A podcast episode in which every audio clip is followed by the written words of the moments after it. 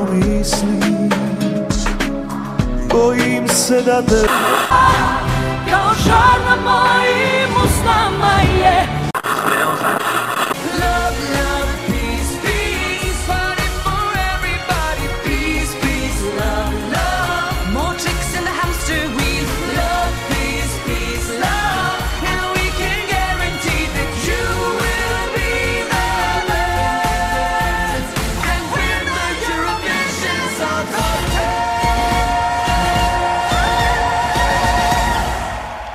Ćao, dobar dan, dobro jutro, dobro večer, dobrodošli u prvu sezonu, to jest prvu epizodu prve sezone podcasta Love, Love, Peace, Peace, Eurovision podcast. Ja sam Miljan, a sa mnom danas nije Nemanja, nego novi član naše Disneyland porodice.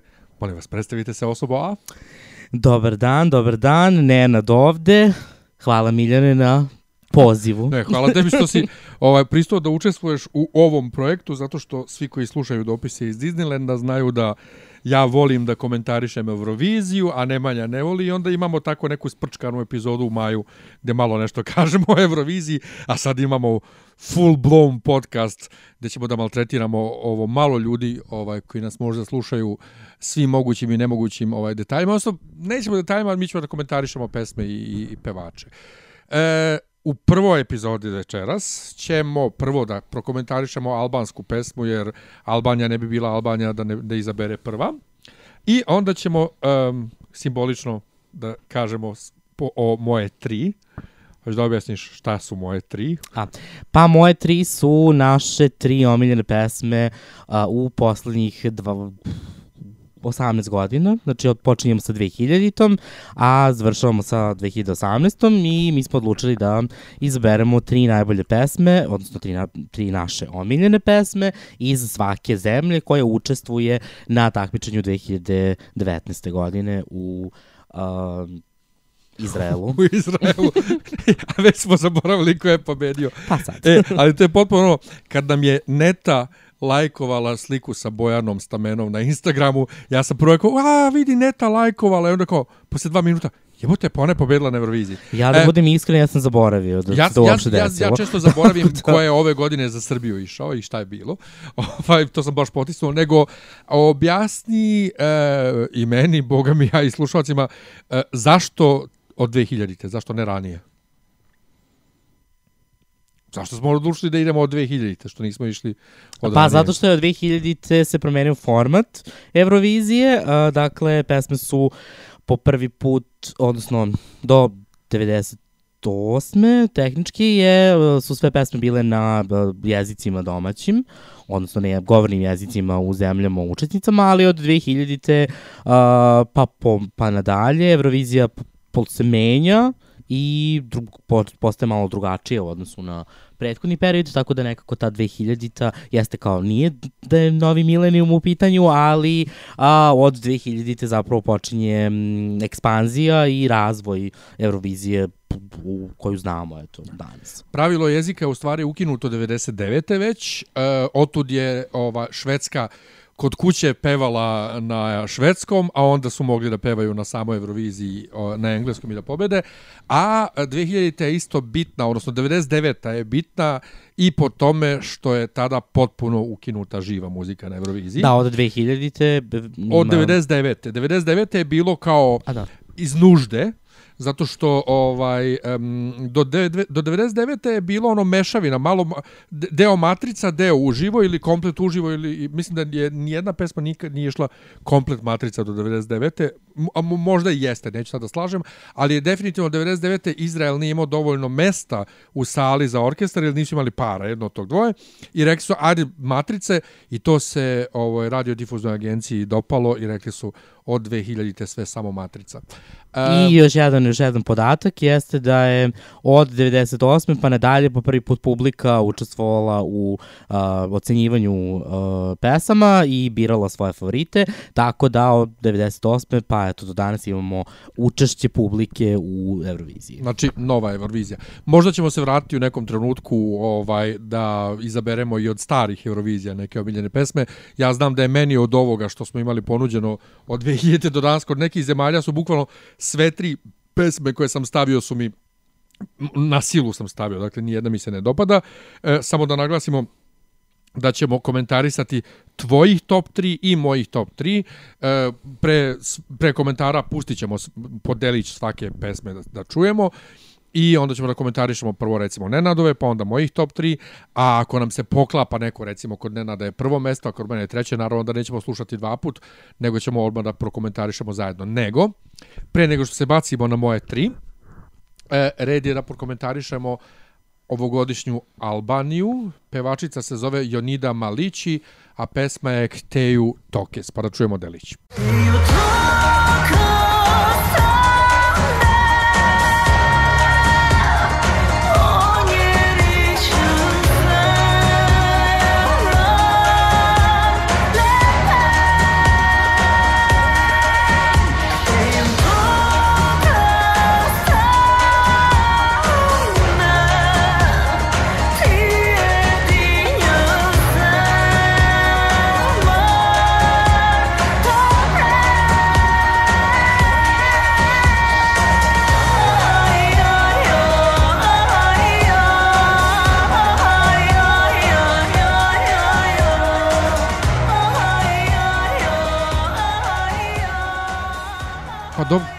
šta je ovo? Ejo, ejo, ejo, ejo, ejo, ejo.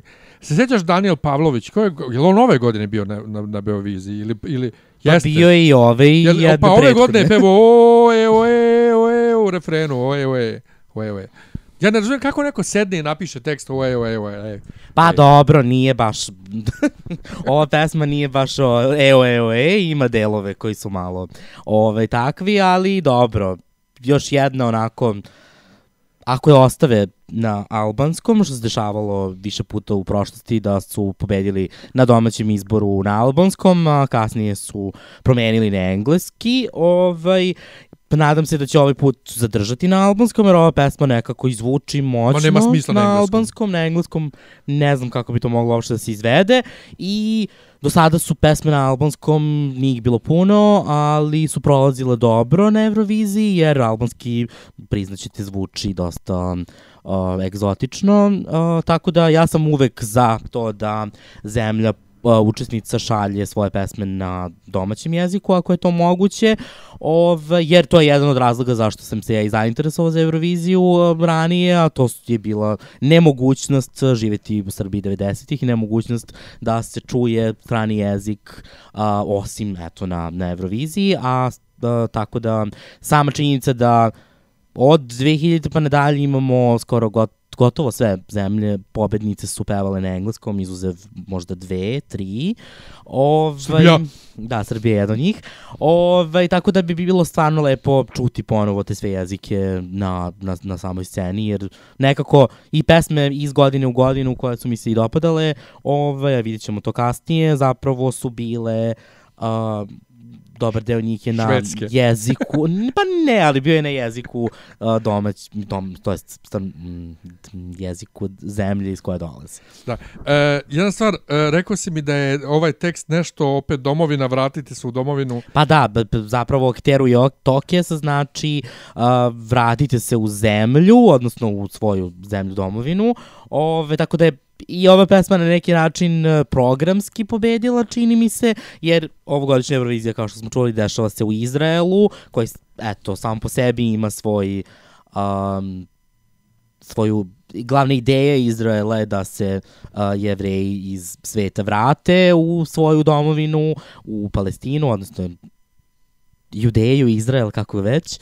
Tako da je i ova pesma peva o uh, albanskoj dijaspori i poziv je albanskoj dijaspori da se vrati u domovinu i da učestvuje, jel te, u um, razvoju zemlje. Pa ko će onda da glasa za njih i švajcarske ako se Albanci vrate? Da. Pa sad, to je odgovor na pitanje, vjerojatno nećemo dobiti, ali ovaj, Niti čini će mi oni da se da, niti će se oni vratiti, ovaj, tako da je dobro da... Um, ali pesma je interesantna. A njen um, styling malo... Pa Tvoj- njen, tvoj da, fah, njen, da, njen styling je malo, Kleopatra se pomešala sa Severinom, ovaj, tako da imamo taj balkanski moment, plus uh, imamo mm, styling koji je onako, jeste malo Elizabeth Taylor iz čuvene Kleopatre, ali dobro. vidjet ćemo u stvari kako će se biti na, na Euroviziji, da li će zadržati isti nastup. Ona dobro peva, ona je i poznata b, u Albaniji, poznata pevačica, tako da vidjet ćemo. Dobro, samo mi malo leleče kao Ivana Jordan, ali dobro. Pa, po, i poenta da Leleče pesma je i tako malo jeste kukavna, Da.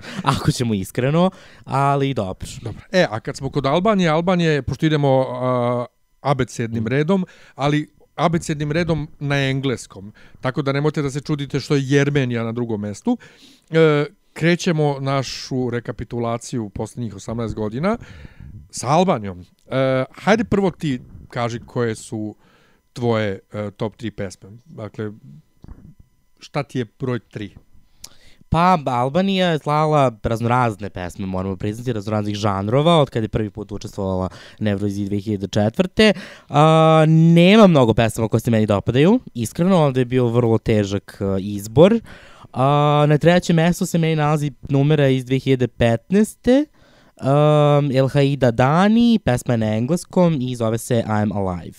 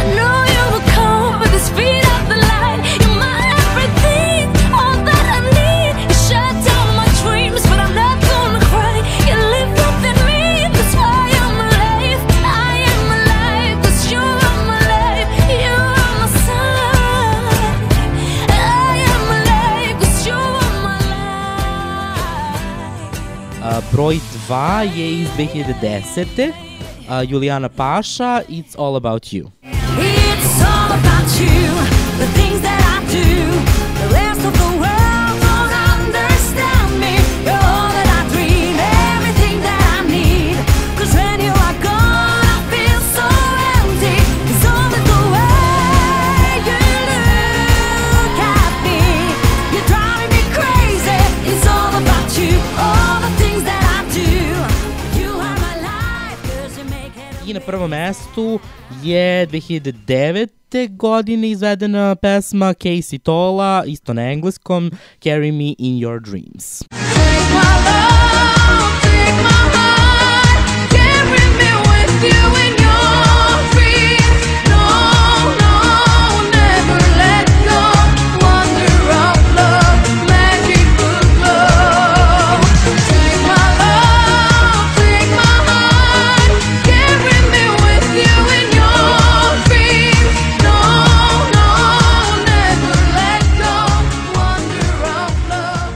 Sad, neću da te pitam zašto baš te tri, jer sam si rekao, jako ih je bilo teško izabrati. E, zanimljivo mi je da nam se ne poklapa, ovaj, da nam se ne poklapaju pesme osim prvog mesta, tako da Casey to nećemo slušati više. Um, e, šta imaš, imaš li da, hoćeš da prokomentariš svoje prve, prve tri, ili ti je dovoljno to što si rekao da si jedva izabrao? Pa ono što karakteriše ove tri pevačice jeste da sve dobro pevaju, Dakle, dosta dobre nastupe su imali na Euroviziji, dosta dobre vokalne sposobnosti, što je opet uh, bitno, jer dešava se nekada je studijska verzija dosta bolja od same egzekucije na Euroviziji. Um, Ume da bude obrnuto. Pa ume da bude obrnuto, da, o, ali e, nekako imaju ritma, nijedna nije balada, dakle to je ono što je karakteristično, slali su i nijedna od tri zapravo nije ni najuspešnija um, um, albanska numera koja je poslata, koja je poslata na Euroviziju. Uh, vesele su neki način, a s druge strane i, i, i šalju ozbiljnu poruku, tako da um, uh, ljubavne su sve tri da naglasim, uh, sve imaju nekakav odnos između uh, ove tri pevačice, verovatno i njihovog nekog zamišljenog ili stvarnog uh, partnera. Uh, to je to bi to imale su interesantne nastupe, interesantne interesantne stylinge. Um, Casey Tola je recimo bila imala 16 godina kad je nastupala za vrlo interesantnim nastupom u Moskvi. Um, Tako da, Julijana Paša je, primjer, jazz pevačica, tako da je ovo bio mali izred, iz, ovaj izlet iz, iz tog žanra, uh, tako da, eto, to bi otprilike bilo to. Dakle, meni je važno da oni lepo, da dobro pevaju, uh, da postoji nekakva emocija, da pesma ima kompoziciju koja ima poentu na kraju, to jest da poentira ovaj, u nekim, pri kraju pesme, tako da ove tri su se uklopile u taj, u taj kontekst i eto, to je to. Bitno je da su vesele. Dobro. Moja, moje treće mesto je 2005. Brža je pesma, ali nije baš vesela, a, a peva je Ledina, pa sad celo ili čelo, ne, ne znam kako se izgovara, a pesma je Tomorrow I Go. Lift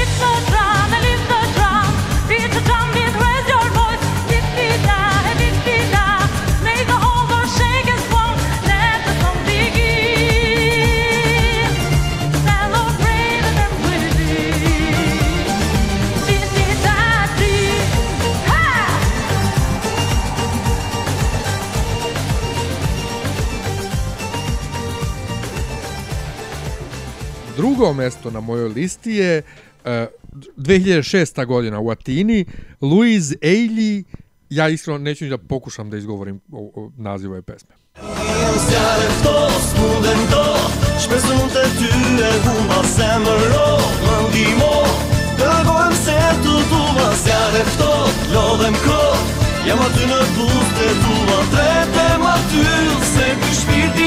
Jam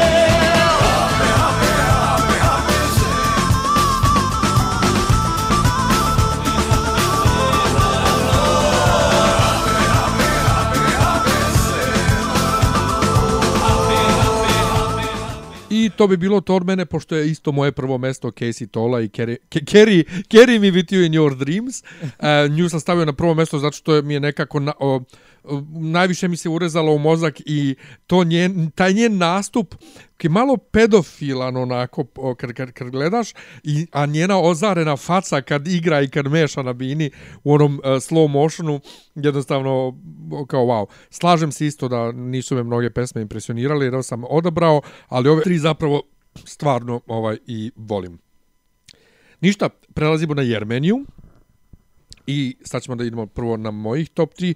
Hoćeš ti da nam kažeš nešto o učešću Jermenije? Oni su prvi put bili 2006. Beše, da? Jeste, 2006. jedna od pa obećavajućih zemalja uh, u početku, međutim kasnije su počeli polako da da izostaju, dakle 2012. nisu učestvovali pošto se Eurovizija dešavala u Azerbejdžanu, suprotno zemlji koje, s kojom nisu u dobrim odnosima, dva puta nisu bili u finalu, najuspešnije mesto je dva puta četvrto, Tako da, e, tako da, eto, to je neki, Jermenija je relativno uspešna zemlja na Euroviziji, e, eto i često, često bude, često bude u vrhu same tabela. Moje treće mesto zauzima pesma iz 2017. Artsvik i Fly With Me. With me higher, with me higher. Never stop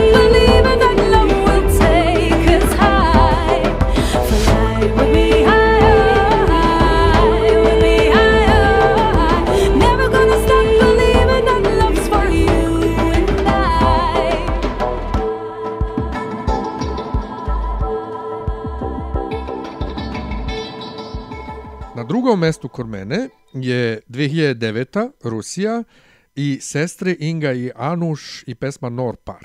Everybody move your body, we are dancing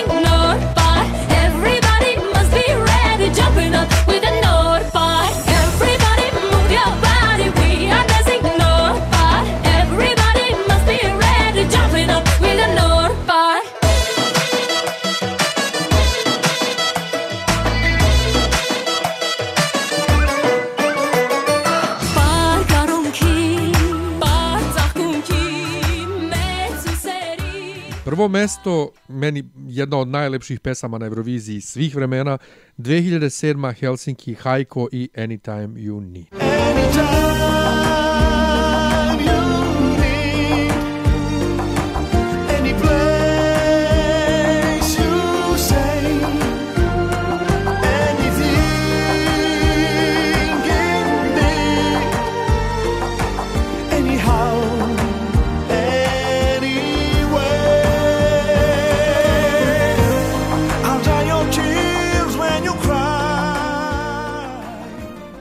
dakle, u te prve tri, tvoje prvo mesto i tvoje drugo mesto su i moje prvo i drugo mesto.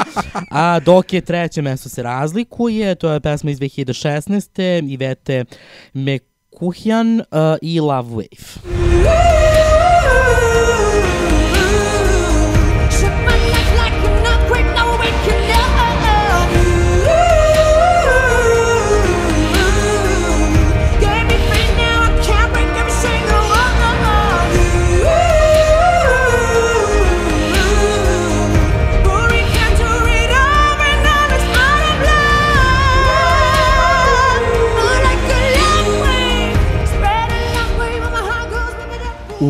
Ovo je bio super nastup uh, o, kad, kad, kad se ona podeli ono na više njih na bini koje igraju. I kamera kako je pratila kako, kako prati kamera njen prst ono u jednoj sekundi pet kadrova se promeni dok ona obrne ruku a isto to je mene impresioniralo kod Artsvik. Uh, nastup je bio toliko efektivan efektivan, da, dobro sam rekao, da um, kad igračice uđu na binu, ti uopšte ne vidiš kad su one ušle na binu. Ti vidiš nju samu na bini, odjednom su igračice tu i kadriranje je ono kao da je leva igračica snimana kao da je na, u desnom uglu, a desna kao da je u levom uglu i generalno jako, jako lepo snimljeno. Inga i Januš, pa ne znam, ta, ta pesma nekako ima nešto narodno, poletno, ono, ne, ne možeš, ne možeš se odlepiš i te 2009. stvarno je ovaj, štrčale ono su na druge ovaj po, po toj nekoj zaraznosti i rekoh već Hajko ono, meni je to jedna od, od najlepših pesama uopšte na Euroviziji.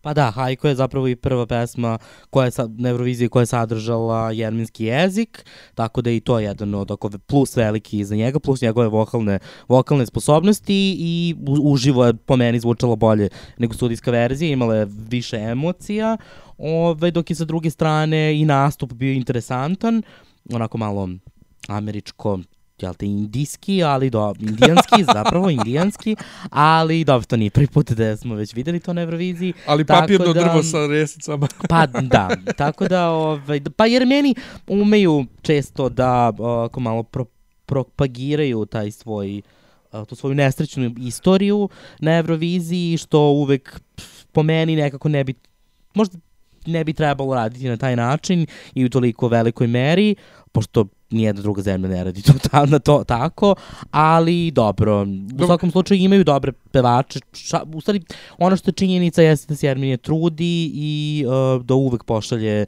m, kvalitetnog pevača i sad pesme sad svidjela nam se, ne svidjela se drugo je, ali Jest, ja sam inače uvek govorio treba izbaciti i Azerbejdžan i Jermeniju sa Eurovizije zbog njihovih svađa međusobnih, zbog hapšenja ljudi koji su glasali za onu drugu zemlju i tako dalje, ali um, pričat ćemo nekom drugom prilikom o tome.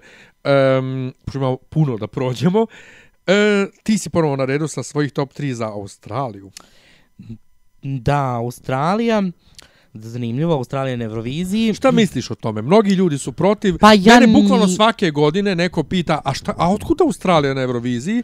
A onda se ja šalim, pustim im onaj, ima onaj, ima, ima onaj jedan mim gde oblik Australije je zapravo ona, o- onaj oblik mora tu u Evropi gde može tu bukvalno da se ugura Australija kao otišla odatle i ponekad napišem ovaj status ono unapred na, u Eurovizijskoj nedelji nemojte da me smarate pitanjima otkud Australija na Euroviziji ako do sad niste shvatili.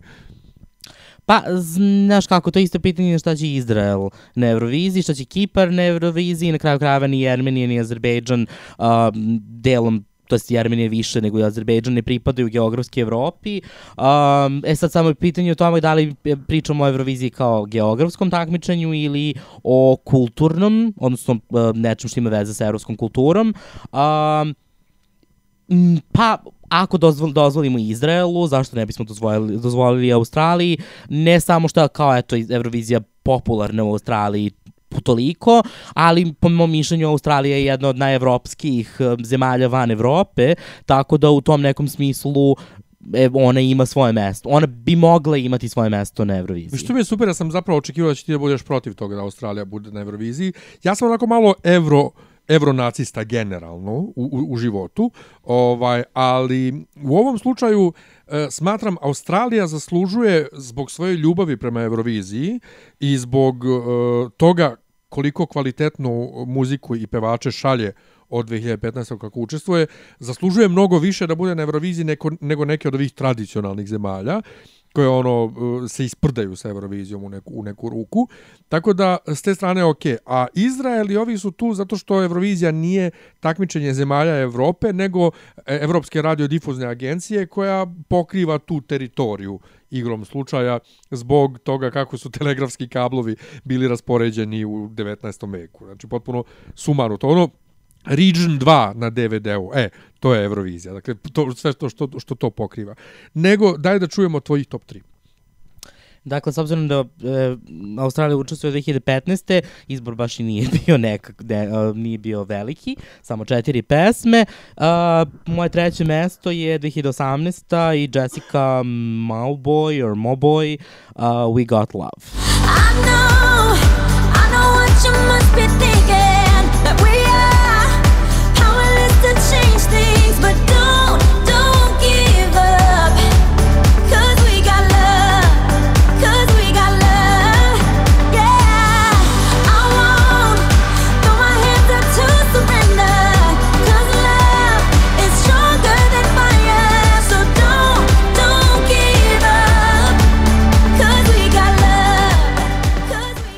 Na drugom mestu je numer iz 2017. Isaija uh, i pesma Don't Come Easy.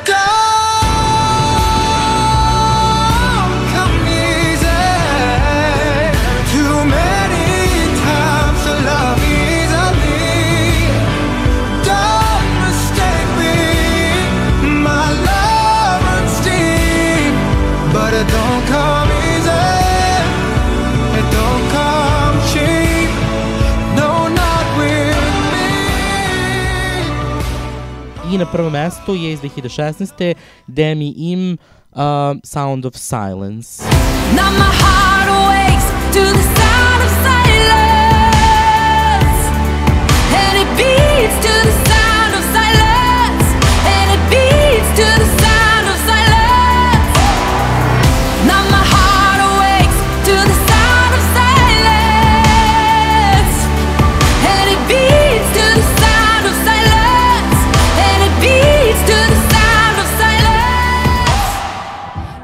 Tebi se baš Guy Sebastian nije dopao.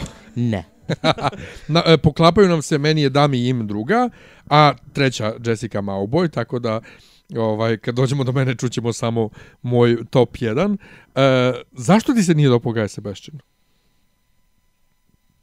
Pa ja ne volim taj tip muzike. Eto, jednostavno to je samo lični, do, lični utisak, nije povezan sa time da li on da li je pesma loša ili je on pevao loše ili jednostavno nisam osetio nikakvu mm, ništa, apsolutno. Meni je on to tokom- veče najbolje pevao od svih.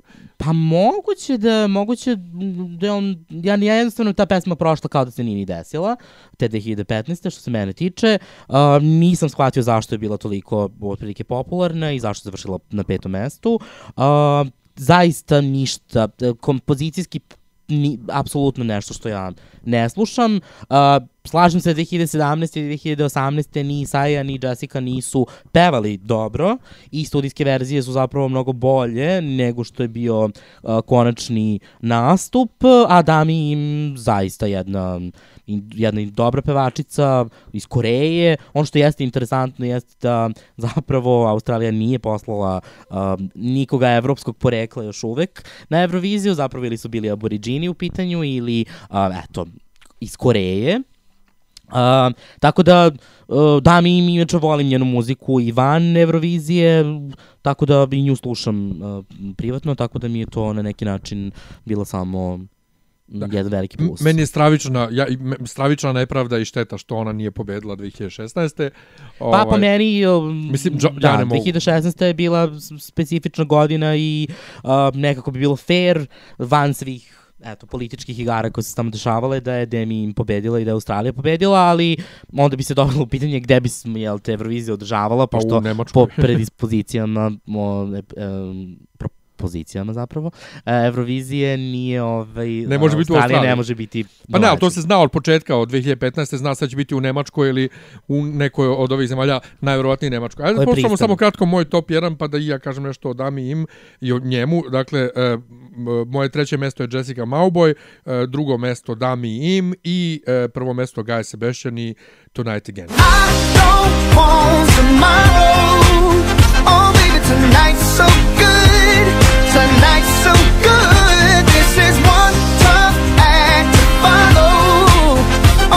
Tonight so good. We get tomorrow, we get to tonight again. We can do tonight again. Oh, we can do tonight again.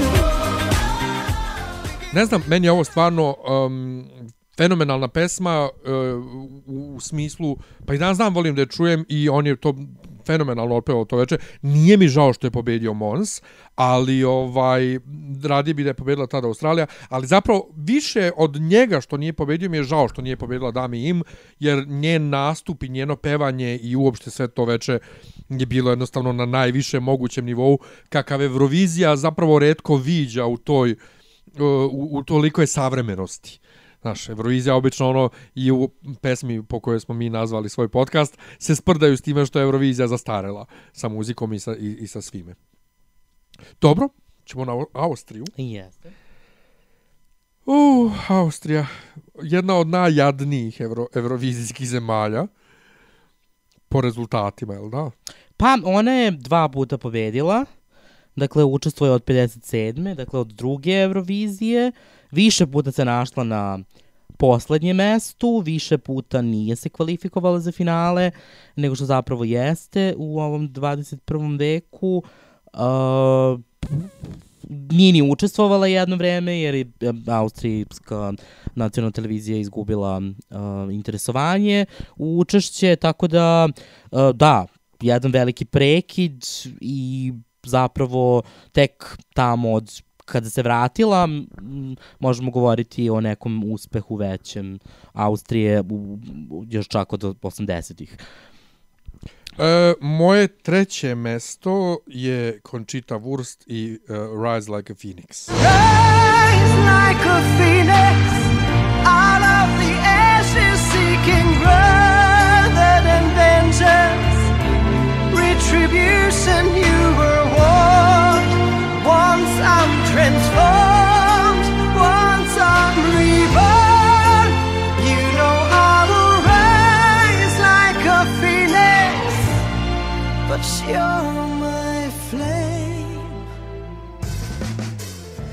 Bila je to naravno 2014. godina.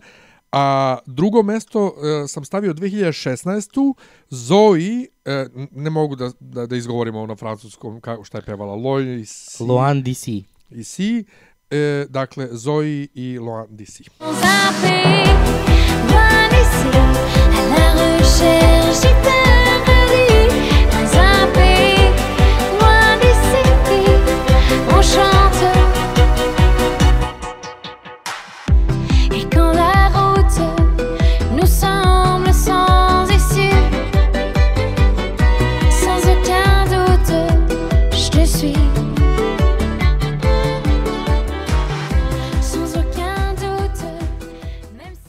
mesto znam, znači da se smeješ, 2012. i e, track Shitas i e, Voki Midem Popo. Voki Midem Popo! Voki Midem! Voki Midem Popo!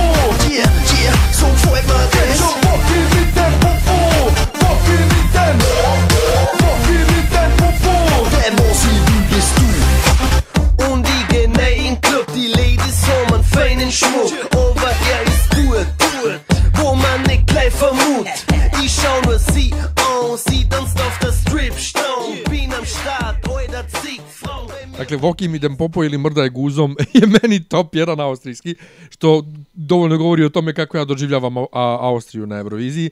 Ok, zabavni su, slatki su i super je pesma. Na njihovom izboru je mnogo bolje nastup izgledao. Končita mi je ok, super je ona pevala, on pevao šta već. E, I ova um, pa ne znam, ja sam bio oduševljen koliko je ona čisto pevala i koliko je to zvučalo kao studijski snimak. Koliko je zvučalo kao da nije uživo i koliko ona bila vez, koliko ona bila srećna što je na toj bini i kad je završila, mislim da je počela plače od sreće na kraju, tako da ovaj nisam nisam stvarno ništa drugo mogu ni da, i da zaberem od Austrije. Pa tu, tu naše moje tri i tvoje tri se slažu u drugom i trećem mestu. A, Conchita Wurst i Rise Like a Phoenix na trećem mestu i Zoe Landesi a, na drugom mestu. A što se tiče prvog mesta, moje je numer iz 2013. Natalia Kelly, uh, Shine. Shine, shine and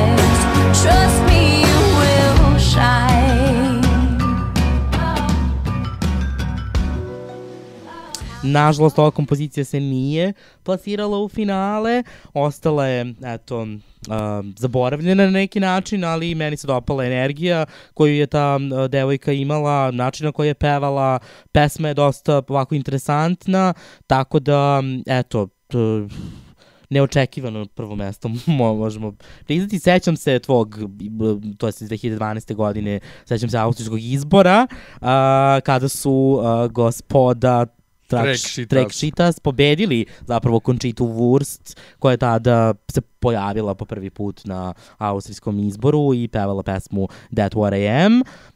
Tako što imamo slično na francuskom izboru, pa da, tako da je to bilo interesantno videti kako su zapravo vi- Voki Midem Popo pobedili uh, Končitu, što je bilo zanimljivo, ali eto, Končita je kasnije pobedila, mm, tako da Austrija zapravo jedna od, onako, ako mene pitaš, najbleđ, jedna, jedan od definitivno najbleđih um, izbora Uopšte. uopšte. Ajmo dalje. A, sledeća zemlja je Azerbejdžan. Dakle, učestvuje na Euroviziji od 2008. godine. A, 2008. u Beogradu su se pojavili prvi put, svi se sećamo Anđela i Đavola i svih billboarda koje smo imali po gradu, koje nismo mogli da zaobiđemo ovaj, od njih dvojice. Um, zapravo uh, izgledalo je, i tako je to izgledalo u prvih recimo šest nastupa kada su bili u top 10-u, da će zapravo Evrovi, Azerbejdžani dosta dobro proći na Euroviziji, jednom su pobedili 2011. Međutim, poslednjih godina se muče i to postaje sve jasnije i jasnije i uh, eto, po prvi put 2018. se nisu plasirali u finale. Čekaj, A, da li je moguće da, da su njima turski glasovi toliko značili? Pa meni se čini nemaju. da jesu. Ali to je samo čini 12 poena. jesu. Pa nije samo 12 poena, Turaka ima svuda po Evropi, tako da a, dobar deo glasova koji su oni dobili recimo iz Nemačke ili iz a, a, drug, recimo drugih zemalja su pomagali svakako a, Azerbejdžanu da da Bude gore. bude bolji, međutim, uh, eto, šta se dešava, da li su im pesme pregeneričke, pošto to je otprilike ono što je prvi i osnovni komentar na azerbejdžanske pesme, jeste da vrlo često zvuče dosta generično i da zvuče kao da um, pripadaju možda nekom drugom muzičkom korpusu, s druge strane zapravo njihove pesme i prave ne Azerbejdžanci, odnosno šveđani, tako da svaka pesma koju su oni ikad poslali na Euroviziju je napravljena u nekoj švedskoj producentskoj kući a, i za, to se i čuje, to se i čuje i valjda ove poslednjih nekoliko godina se čini da to počinje da polako smeta i da se publika i žiri podjednako ne slažu sa, sa, sa tim izborom. Uh, imaju oni dosta, pa skoro svaka pesma koju su oni poslali, um, zahvaljujući vokalima koje oni šalju, može biti interesantna. Ja sam izabrao tri koje nekako se meni najviše čine interesantnim i lepim i dobri, zvu, zvučnim. Dakle, 2010, treće mesto je 2010, Safura, Drip Drop. Can I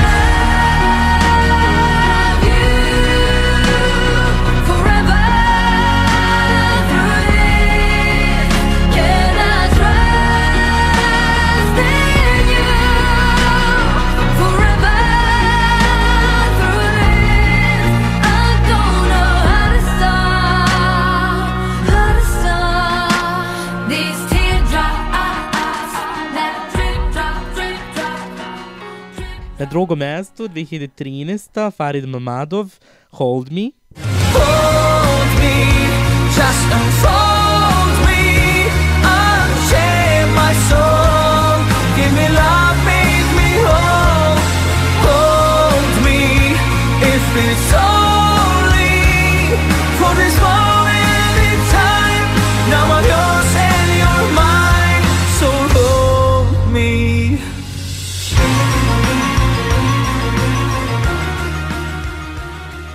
Na prvo mesto, 2012, Sabina Babajeva, When the Music Dies. And I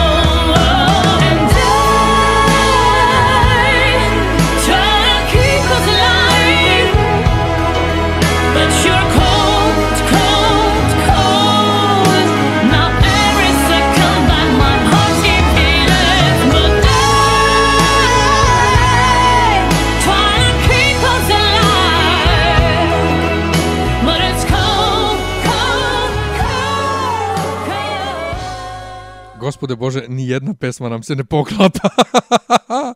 e, meni je Azerbejdžan jedna od naj, najomraženijih zemalja na Euroviziji.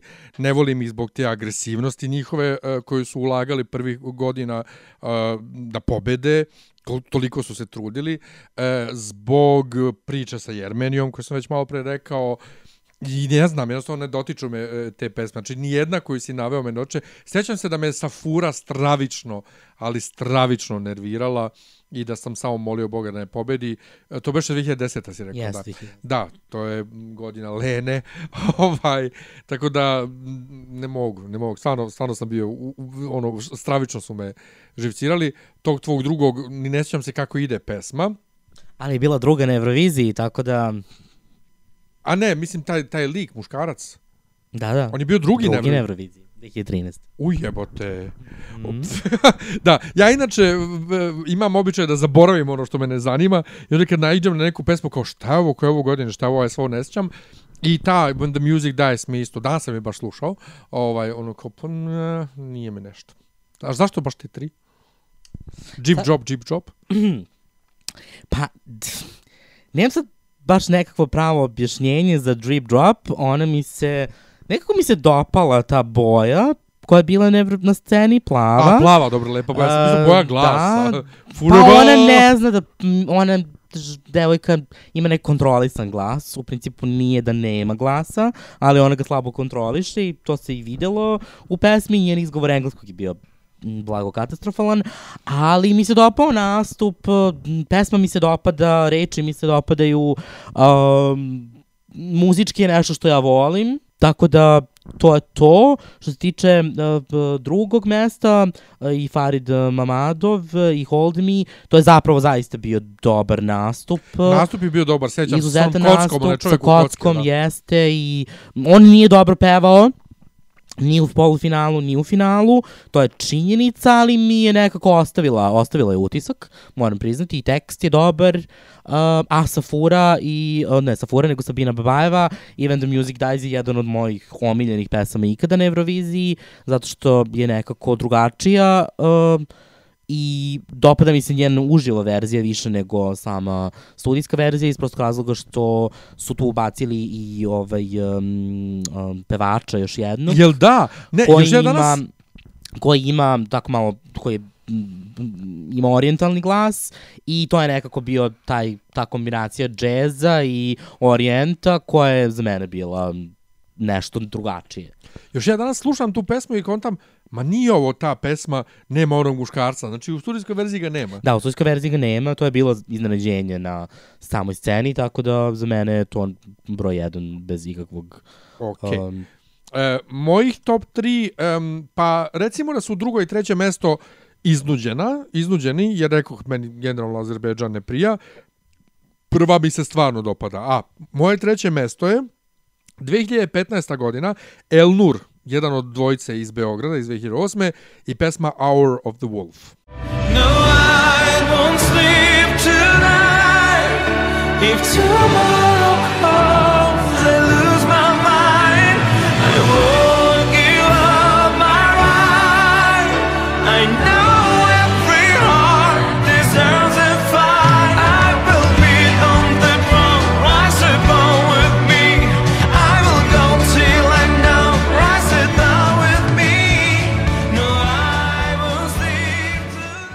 mesto mi je 2017. Dihaj i Skeletons. Have my skeletons.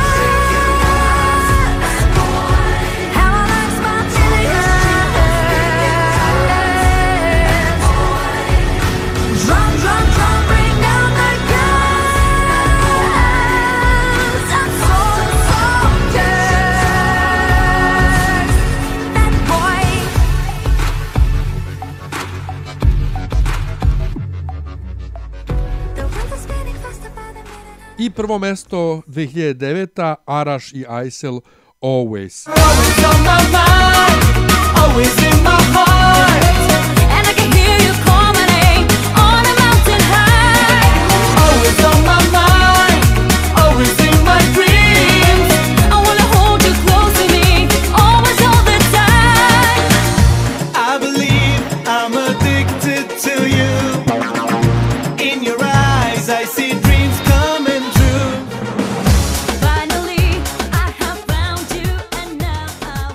Smešno mi je samo kako kod ovog mog drugog mesta Dihaj. Pesma se zove Skeletons. I ona kaže I'm a Skeletons.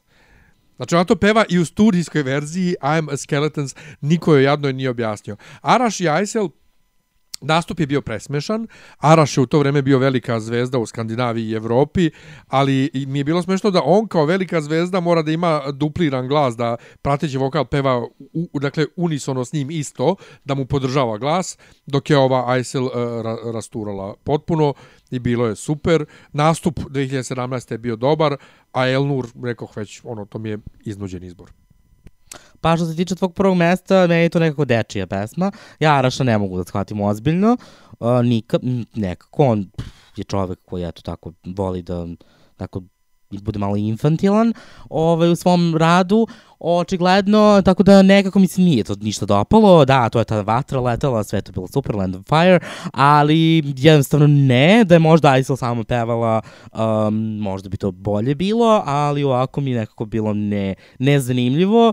Uh, ovo drugo stvarno Elnor ima nečega u toj pesmi, ali meni je dosadna i pre, posle nekog vremena izgubi čitavu neku draž koju možda ima, vizuelno izgledala dosta dobro, um, kao većina pesama, te i 2015. i 16. ali ovaj, ne, a što se tiče Skeletons, dobar pokušaj, loša egzekucija, ništa tu nije bilo meni. Mislim, nastup je bio dobar, ali sama pesma je malo nebulozna a ipak meni je malo tekst bitan, tako da, ovaj, tako da Skeletons mi eto iz tog razloga nešto nije, nije od nije mi lego. Eto, da se tako izrazim. Dobro.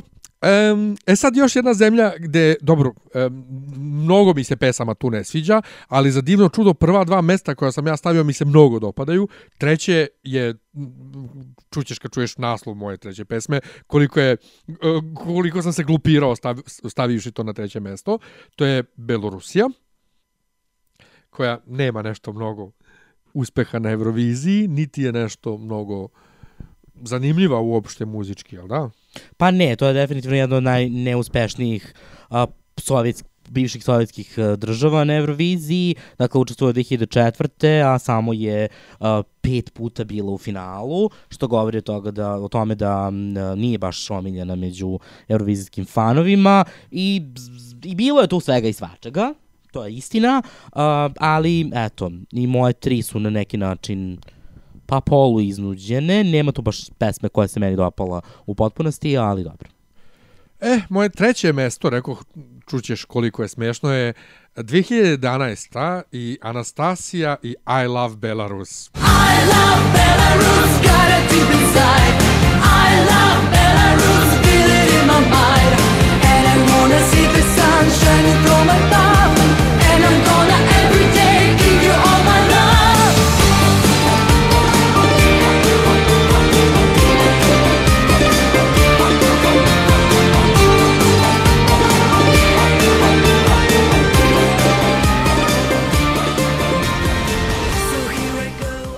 Drugo mesto, pesma koja mi se jako dopada, koja nije uopšte dobro prošla na Euroviziji, je Ivan i Help You Fly.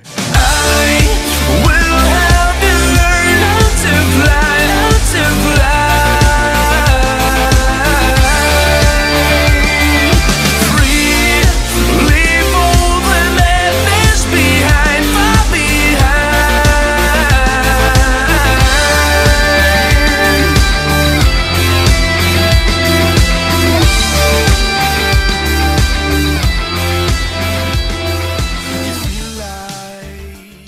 prvo mesto potpuno onako ono kao iz, iz mrtvog ugla 2009.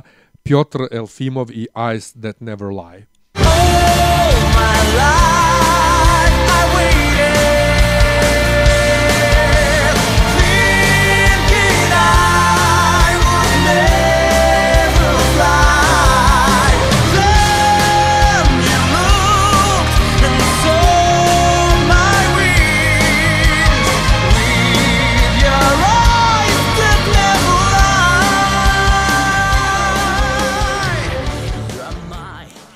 E sad, 2009. se meni mnogo dopada, zašto ja volim taj e, taj kao metal, metal sa, sa, melodični metal, dakle ima lepu melodiju i pevač koji ima tako moćan glas i to je sve super izgleda, mislim super izgleda, on još možda izgleda na toj ogromnoj bini, on je super otpevao, Ivanova pesma udara me nekako u ovaj balkanski gen, ovaj o, melodija i harmonija.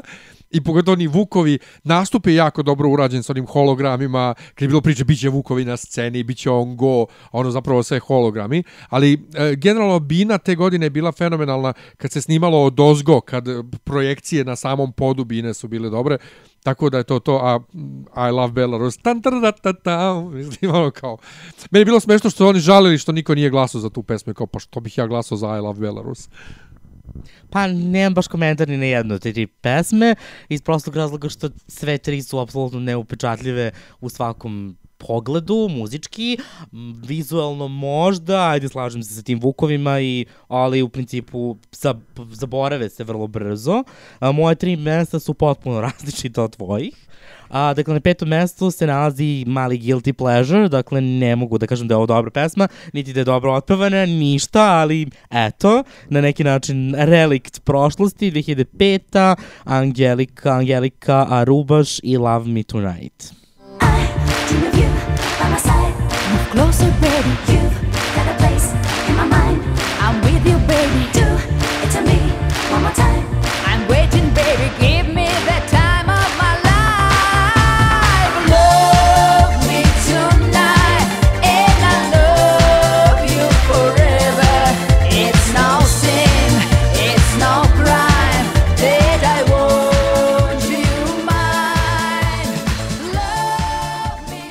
Na drugom mestu 2014. takođe Guilty Pleasure, uh, Teo i Cheesecake.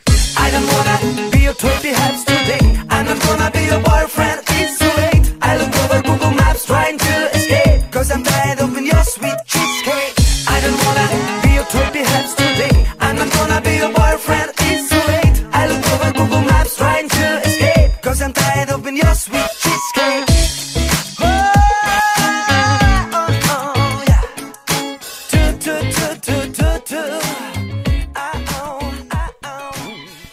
na prvom mestu 2015. u Zari i Majmuna uh, Time. Time is like thunder. Ah, ah, hear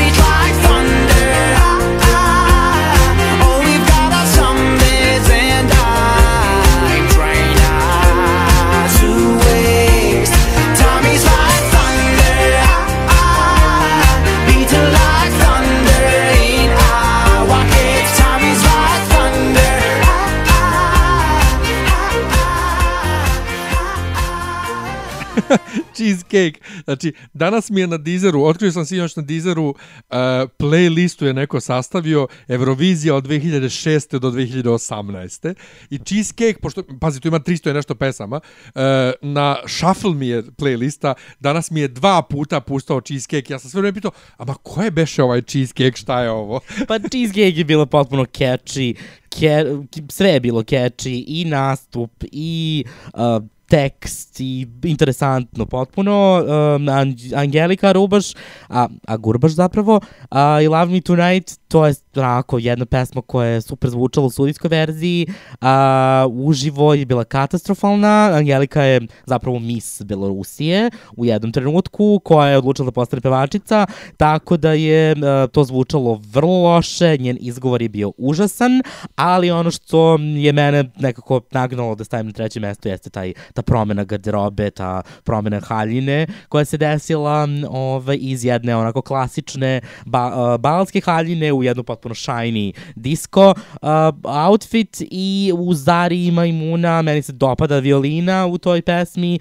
on je doako dosta lep i uh, nekako njih dvoje su činili lep spoj na oko, a i pesma nije, nije bila loša, ali eto, nezapaženo je prošlo potpuno.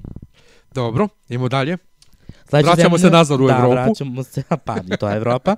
Vraćamo se, Pravu u- Evropu. sad idemo u zapadnu Evropu, iz istočne u zapadnu, stižemo u Belgiju. Dakle, Belgija je jedna od zemalja koja učestvuje na Euroviziji od samog početka. Dakle, od 56. pa na vamo, uh, dosta dug staž, pa nije se nešto proslavila. Tokom tog staža na Euroviziji do puno puta je bila na poslednjem mestu, nekoliko puta nije ni učestvovala zbog loših rezultata u prethodnoj, u 21. veku, uh, u prvoj polovini zapravo se nije plasirala um, više puta nego što, što jeste i međutim poslednjih godina eto ima nekakav uh, revival tako da ovaj pf, iskren da budem bilo je teško izabrati to prve tri pesme uopšte Oni su baš dva puta pevali na izmišljenom jeziku. da 2000, 2002. ne 2003. Treće. i 2008. Da, pritom je ta pesma Beogradu. 2003. je bila baš popularna među drugi završili su drugi. Da. E, ajde da čujem tvojih top 3. A, dakle, na trećem mestu se nalazi pesma iz 2004. Xandi One Life. Living together in one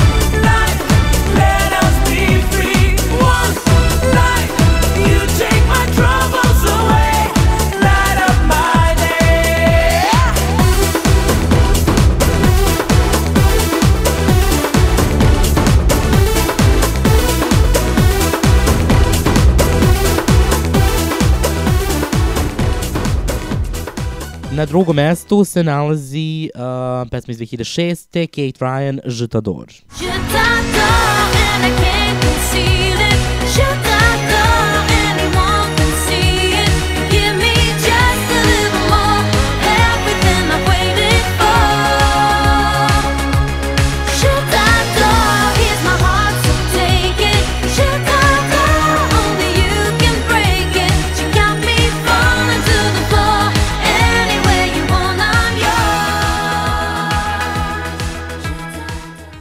I na prvom mestu iz 2015. Uh, ja ne znam da izgovorim ovo, Loic. Loic, Loic Notet ili Note, šta već, uh, Rhythm Inside. And if we die tomorrow, what do we have to show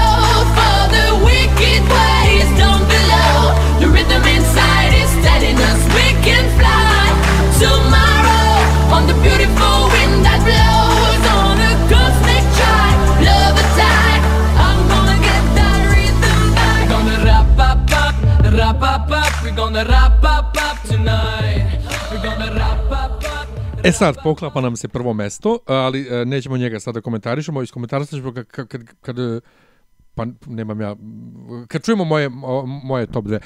Um, Kate Ryan mi je bilo, um, on, znam da ona bila navikana kao veliki favorit ovo ono, i onda je Adna imala nekih problema s kolenom, i onda nešto nije valjalo, i onda je bilo Pa i Kate ovo, Ryan je- a i pesma, ali pesma je bila... bleh. Kate Ryan je tih godina bila izuzetno popularna u Evropi. Mm, belgijska pevačica koja je to mm, imala nekoliko hitova u godinama pred tu Euroviziju, tako da se od nje puno i očekivalo. Sama egzekucija je bila bleda, neinteresantna i eto, to je jedan razloga zašto je ta pesma zapravo se ni ne plasirala u finale. Se tiče Xandi One Life, jedan od takođe favorita, vrlo vesela pesma, dobar nastup, dobro otpevana i završila na 22. mestu, što je do danas meni neobjašnjiv uh, moment. Moje treće mesto je e, 2010. i mislim da je to bio revival, početak revivala ove e, Belgije, e, Tom Dice i Me and My Guitar. Tell me that I got it wrong. Tell me everything will be okay before I fall. Tell me they'll play my songs. Tell me they'll sing the words I'll say when darkness falls and all of the stars. Drugo mesto mi je 2016. i Laura Tesoro, What's the Pressure. What's the pressure? You will grow. You will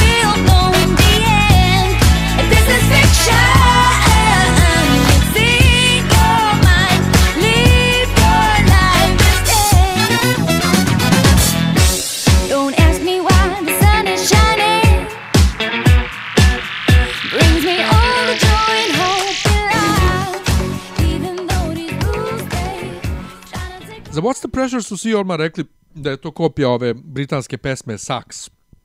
I stvarno čuje se da je to ono bukvalno preslikano.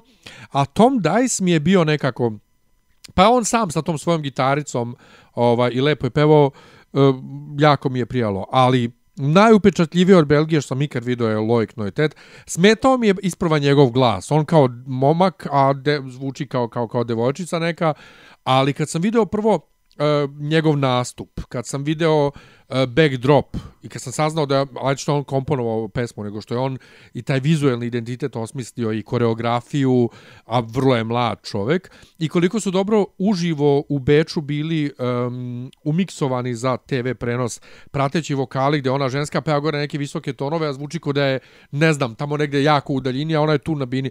To me jako, jako ovaj, impresioniralo kako su to tehnički sve odradili, koliko on dobro otpevao, tako da ono, bilo mi je žao što nije bio bolje plasiran, ali ta godina je bila top, eh, tih top 5 su bili baš jaki.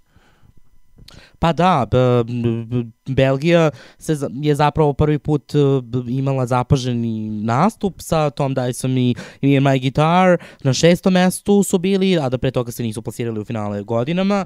Tako da si tu u pravu. Um, Rhythm Inside je stvarno bio uh, impresivan nastup, uh, impresivne vokalne sposobnosti, sve divno i, i aranžirano i um, organizovano i tako da tu si potpuno u pravu i zato jeste na mom prvom mestu. Uh, a What's the Pressure je stvarno nešto što je meni bilo um, nekako... Uživ, uživo je, pazi, e, studijska verzija je bila ok, uživo jeste bilo malo iritantno. Pa ona je Usiljeno. meni, meni ona samo delovala i us, usiljeno i iritantno i sve to, sa ceo, ceo taj nastup i jednostavno ne. Ok. Jednostavno baš ne. Ajmo na Hrvatsku. Da, sledeća je Hrvatska. Neka mi ne naša koli, naša svane. kolega, naša ovaj uh, naši susedi i bivši bivši uh, braći i prijatelji. ovaj su, su narodnici. su narodnici, dakle od 93. učestvuju uh, pa um, do danas. Oni nisu učestvovali um, 14. 14. 2015. Uh, 90-ih vrlo uspešni, posle 2000-ih uh, nekako sve gore i gore. što Nema, kad je došla. Srbija, nema gotovo. Pa i ne samo to, nego su i prestali da, sla, da šalju svoje poznate pevače, um, što je bila karakteristika 90-ih, tako da je na kraju ispalo da um, eto, nisu imali dobrih rezultata uh, dosta dugo. Je li Daniela, od Daniela su- najuspešnija beše, jel da? Što sam malo prepevao, neka mi ne svane. Je, uh, da, da, da nije, ne, ma, ne, najuspešnije su zapravo Maja Blagdan uh, iz 96. i Doris Dragović iz 99. uh, na četvrtom mestu, a Daniela je bila peta. 98. Tako da... Ja sam mislio da je Daniela bila uspešnija od Doris. Ne, tako da... mm, Tako da nije Hrvatska ni jednom bila ni blizu da pobedi. To je ono što eto, um, činjenica. Bilo je nas budala koji smo se 99. nadali da će pobedi Marija Magdalena. Pa sad. Jer kao, to je Doris Dragović, Pa. ona super peva, pesma je moćna, to je Izrael, to je Marija Magdalena, pa njena Bela Hajna. Pa svi su otišli u Izrael pevajući slične pesme, tako da i ona Marija Magdalena Tako da, take se utopila, jel te, u uh, isti, ovaj, u isti, u isti manir, ali Hrvatska kad se vratila prve dve godine uspela da se plasira u finale i uh, međutim 2018. Franka nije.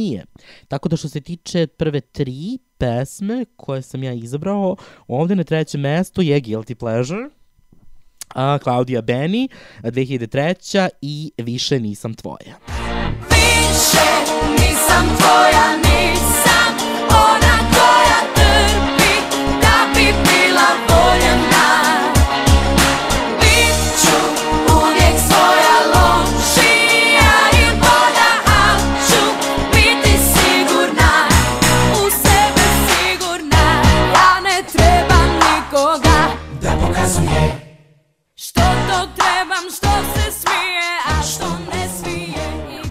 Na drugom mestu se nalazi njihova povratnička pesma iz 2016. Nina Kraljić i Lighthouse. I know that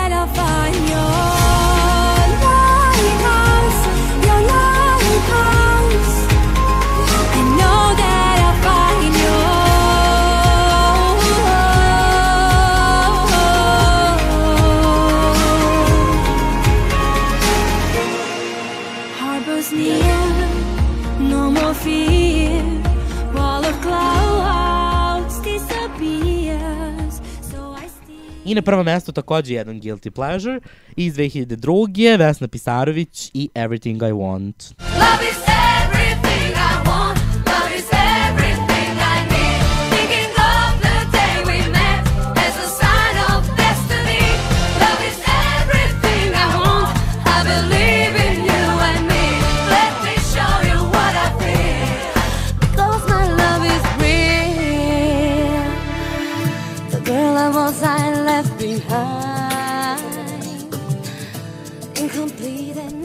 E, poklapa nam se samo Nina.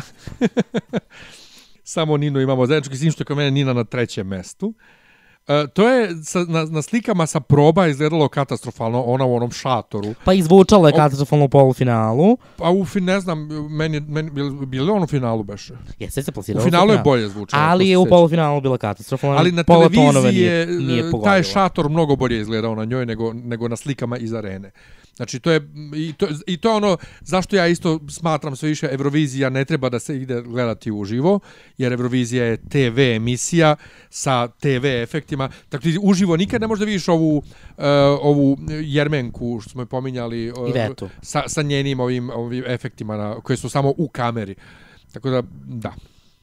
Pa da, jednostavno nekako ove tri pesme koje sam ja izabrao Nije, bilo je, bilo je dobrih pesama, recimo Boris Novković je imao dobru pesmu, ali nekako sam je izabrao ove tri jer su bile nekako drugačije i pop, oni su, o, to jest 2002. i 2003. su prave pop pesme, a dok je 2016. bila pesma kojom sam je bio oduševljen u trenutku kada je Hrvatska objavila da će a, da će ona njih na, na ovaj, predstavljati, jer je studijska verzija bila savršena. Očekivalo se od Nine kao pobednice njihovog e, do tog talent showa da mislim. Vojsa da, da može da iznese tu pesmu, nažalost nije uspela. Dosta toga je skraćeno u finalu da bi ona, a, tako da to nije zvučalo baš kako treba, ali ja i a dalje to je čudno, volim. jer ona je kod njih na, na tom takmičenju baš, baš, baš, baš, baš dobro pevala. Pa dobro i trema i Ali Dina i aj- ljudi. ajde se razumemo, da se razumemo, taj, na, taj stil pevanja malo je ono kao da ide u ladarice, znači kud lado, čuveni zagrebački i da peva e, s njima. Da, a Vesna Pisarović nekako ona je stvarno tih ranih 2000-ih bila i popularna kod nas i ova pesma ima i svoju uh, hrvatsku verziju i stvarno je nekako to bio, to, toga se isto puno očekivalo, nažalost nije završila kako treba, ali kako bi možda, kako je možda mogla te 2002. ali uh, jedan onako i dan danas volim rado da je čujem. Dobro, moje treće mesto je Nina e, Kraljić i Lighthouse. E, drugo mesto, potpuno ne znam otkud, zbunjen sam, jer mi je čudno da ni ja ni ti e, nismo stavili ovaj Feminem, a volimo pesmu. E, dakle, drugo mesto kod mene, 2009. Igor Cukrov i Lijepa Tena. Ej, draga, ej, draga, suze u pamuk pretvaraš, u noći odmaraš, začaraš.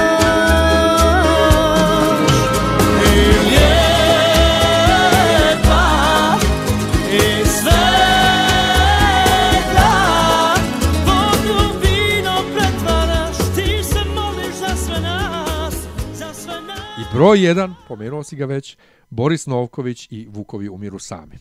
I opet Dunavom plove brodovi, a ti više za mene ne brini.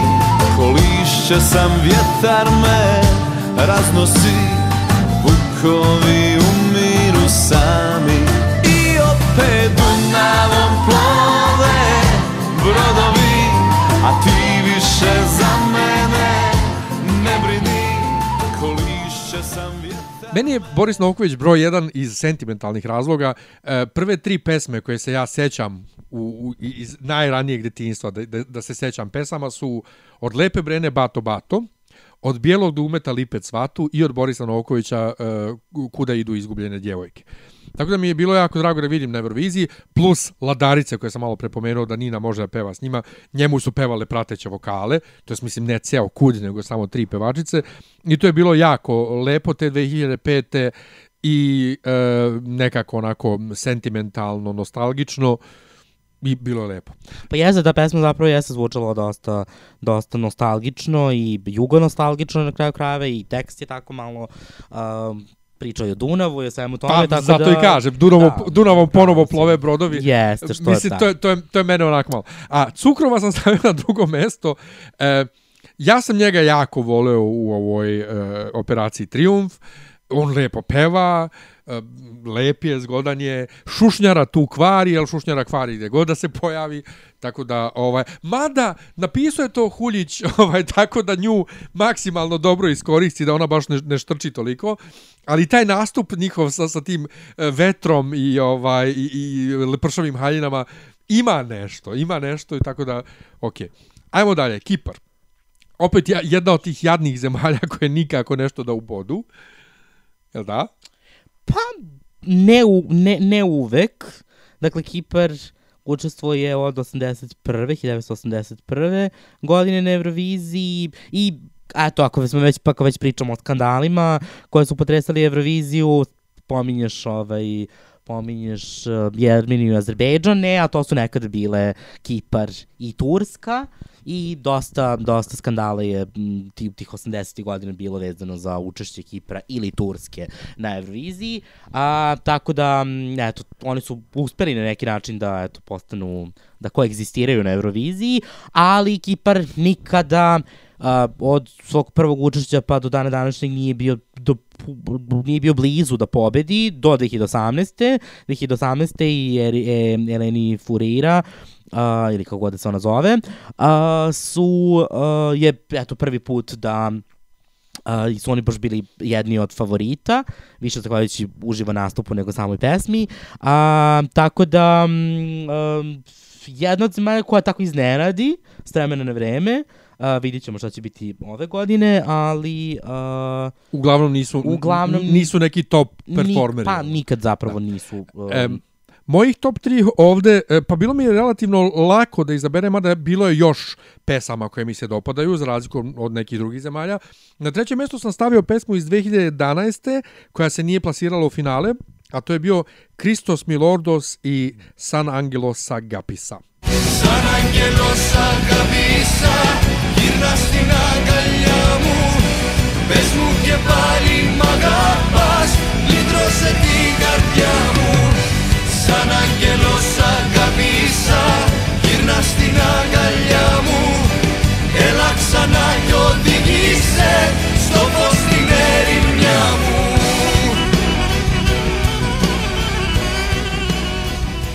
Na drugom mjestu, pesma koju i dan danas volim da slušam, 2012. Ivi Adamu i La La Love. Feel the energy between you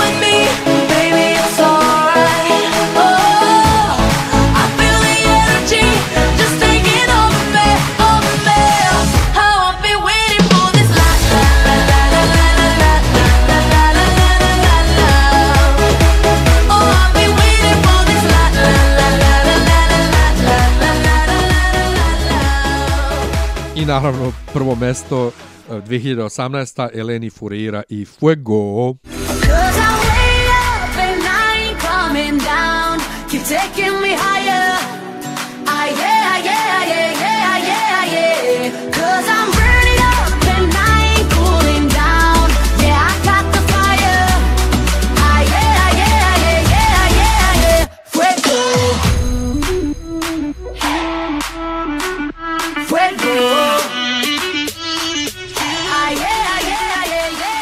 E vidiš, e, kada je Fuego izašlo, uh, uh, izašao spot i studijska verzija, ja sam rekao, ovo da peva neka od ovih, um, od ovih popularnih šiptarki, uh, pesma bi ovaj bila evropski hit. I onda neko dođe i kaže, e, ali pesma ovaj, je, nju i peva šiptarka.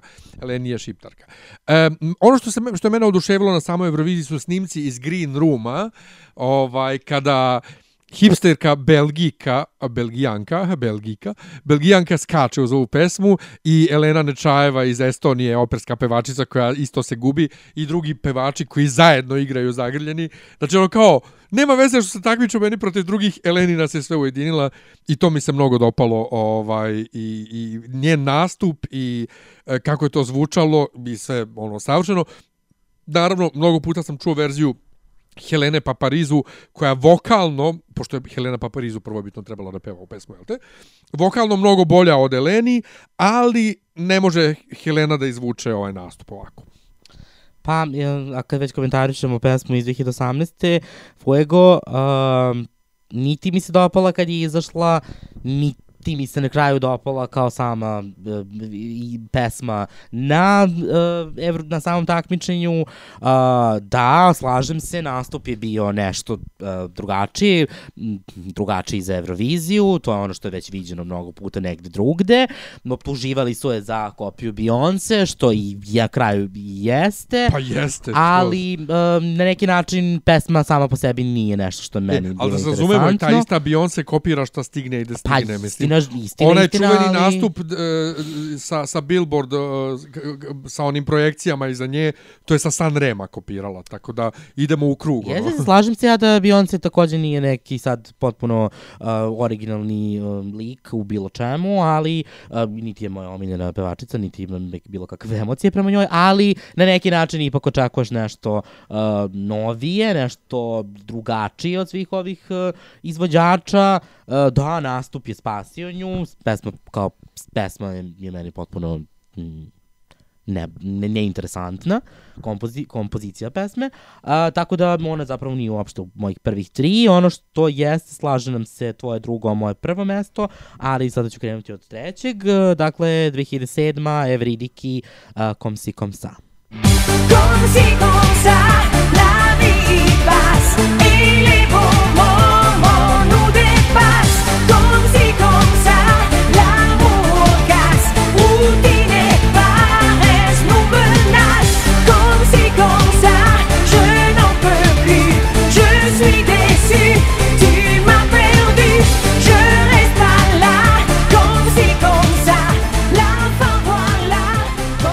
Na drugom mestu, pesma iz 2010. Jon ili John Lily Green in The Islanders, uh, Life Looks Better in Spring. Me, tell me about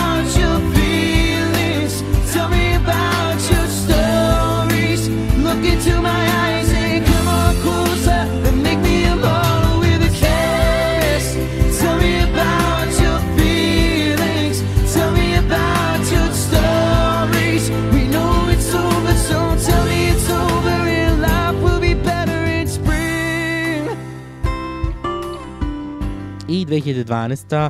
na prvom mestu Ivi Adamu, La La Love. Ja ne rekoh ništa za La La Love, uh, ali rekao da slušam i danas dan. Mislim da posljednjih uh, dva meseca da nije prošao ni jedan dan da je nisam jednom bar čuo. Uh, nastup je bio za, za zanimljiv jako ona onako kod brda odvaljena kako izgleda s promovnih igračica i one koje nju uprte i, i sve. A istovremeno je, ima i tu ženstvenu dugu kosu i sve, a tako je neženstvena u, nekom, u, ne, u neku ruku, jel da? I- Pa jeste, moram da se slo, složim sa tobom. Da, moram da se složim sa tobom. Da, ima... Nekako ta pesma i...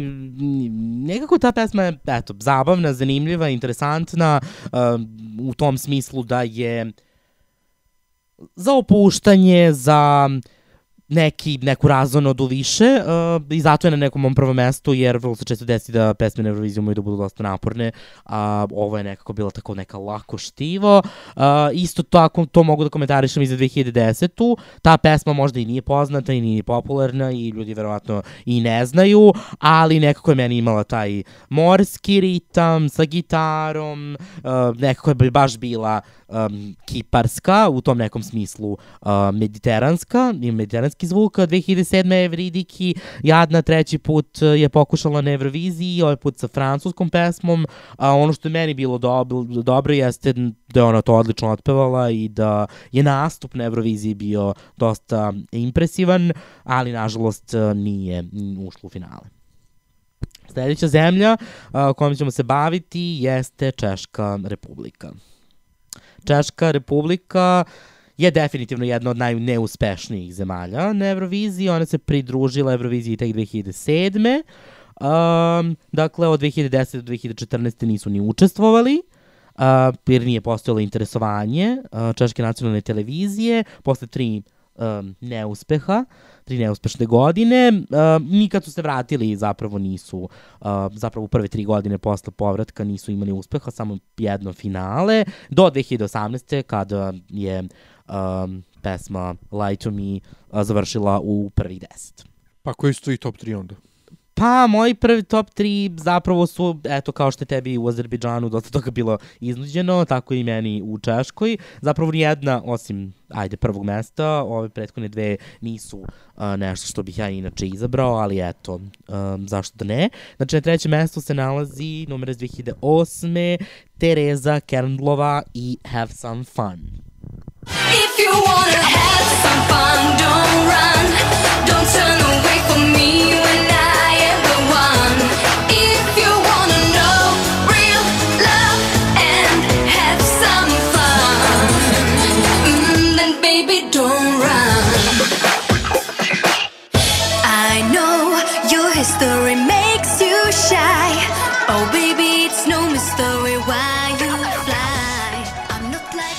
Na drugom mestu, potpuno nezasluženo, 2017.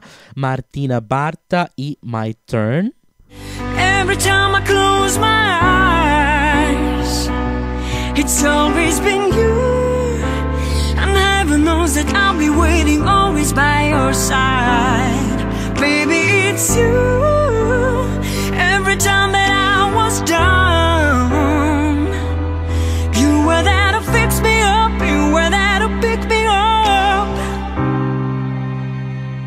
it's my turn.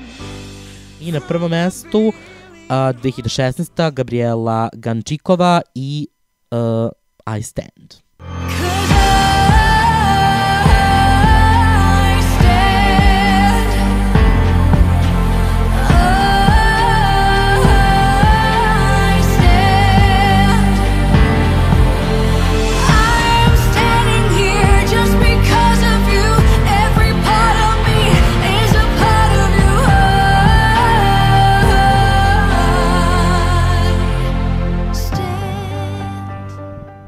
Ček, Gančikova, nije Gunčikova. Gunčikova, ja se izvinjam. Možeš engleski. E, poklapaju nam se Kernlova i Gunčikova. Oni su kod mene e, treće i drugo mesto. E, Slažem se s tobom potpuno, Češka je tako neinspirativna zemlja ovaj, na Euroviziji i meni osim prvog mesta se ništa ovde ne dopada stvarno. E, Tereza Kernlova je uživo bila katastrofa totalna u Beogradu. To je bilo stravično loše Pa jeste, e, na, se. na, na, na nivou sa tadašnjom Andorom, koja je isto bila užas. E, Gabriela Gunčikova, uf, jo, to je bila godina I am woman, I am strong pesama. Ovaj, I ona, ovo je jedna od tih pesama, ono kao I stand. Lep, ona je lepa. I ona lepo peva i melodija je lepa. A onda ona kad rasplete onu kosu i taj... Mislim, to je, to je vrhunac nastupa, što ona rasplete i pusti kosu. Pa to je problem sa ovom pevačicom koja je inače u Češkoj poznata kao rock pevačica. Zašto su izabrali da ona peva neki ble, bledunjevi pop i neku bledunjevu baladu? Nije mi baš najjasnije, niti ljudima iz Češke s kojima sam ja u kontaktu takođe nije bilo jasno zašto baš ona pevala tu pesmu, jer bio je mnogo bolje i za njen glas i za njen stil. Generalno stavio neko malo tvrđi zvuk, ali, bože moj, A to je prvo mesto? pa Gabriela Gunčikova. A, ja sam već potpuno prolupao. E, moje prvo mesto da čujemo, a to je 2018. Mikolas Josef i Lie to Me. Lie to me, oh baby, come a little closer. Lie to me, lie to me, oh baby, lean upon my shoulder. Lie to me, get down on my body, love me like it was always meant to be. Now you love somebody new, I always knew. So come and give it to me.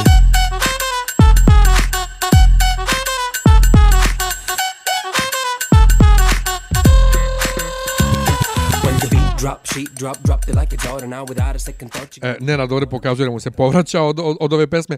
E, meni je, um, kako da objasnim, e, pizdeo sam što je kopirao Backpack Kid iz, iz, iz Amerike, što većina ljudi koji gledaju internet znaju ko je Backpack Kid, e, a isti taj ples je onaj, um, kako se zove, ovaj, Kamil Show u, u, u U Jermeniji prošle godine.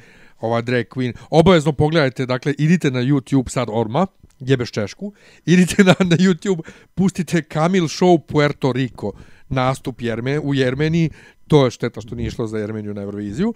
Um, ali na, nastup na Euroviziji uh, Miko Lasov je bio fenomenalan i ja kad sam pustio jednom drugaru koji ne prati Euroviziju, bio fazonu, ček, ovo je uživo, ovo nije, ovo nije spot. Ja kažem, ne bre, to je kao, tako je snimljeno da deluje kao da je spot, još je imao aspekt racio slike, onaj filmski, už, usku sliku skroz i super je odrađeno, ali ovaj, ono kao moderna pesma i sve, ali mene Češka jednostavno ne radi i to je to. Nemam šta da dodam.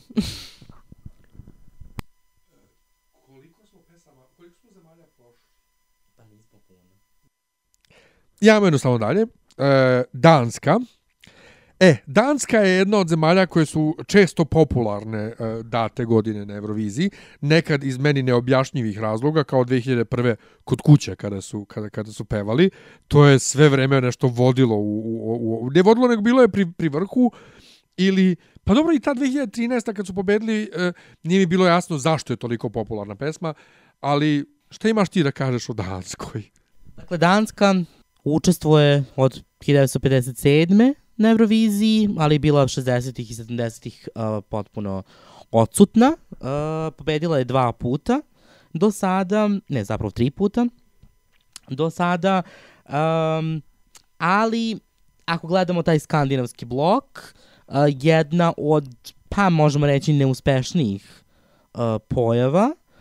Uh, oni su imali iz onako popularne pesme i potpune potpune potpuni fijasko povremeno um, ali ne, ne znam šta da kažem vrlo često te pesme Prečka stativa. pa da recimo Dobro.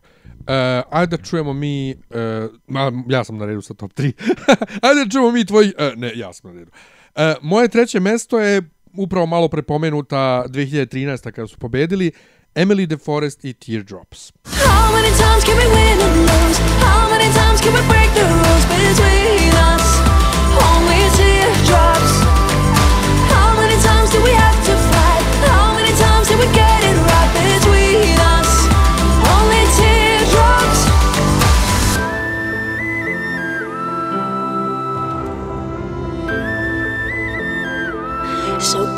Face me now.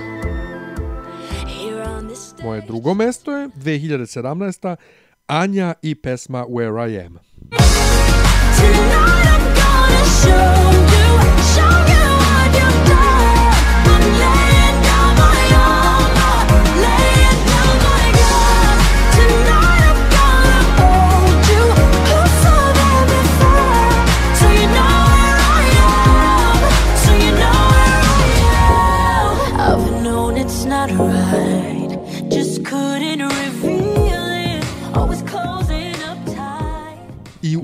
ubedljivo prvo mesto za mene, 2018. Rasmussen i Higher Ground. Freeze the arrow in the air.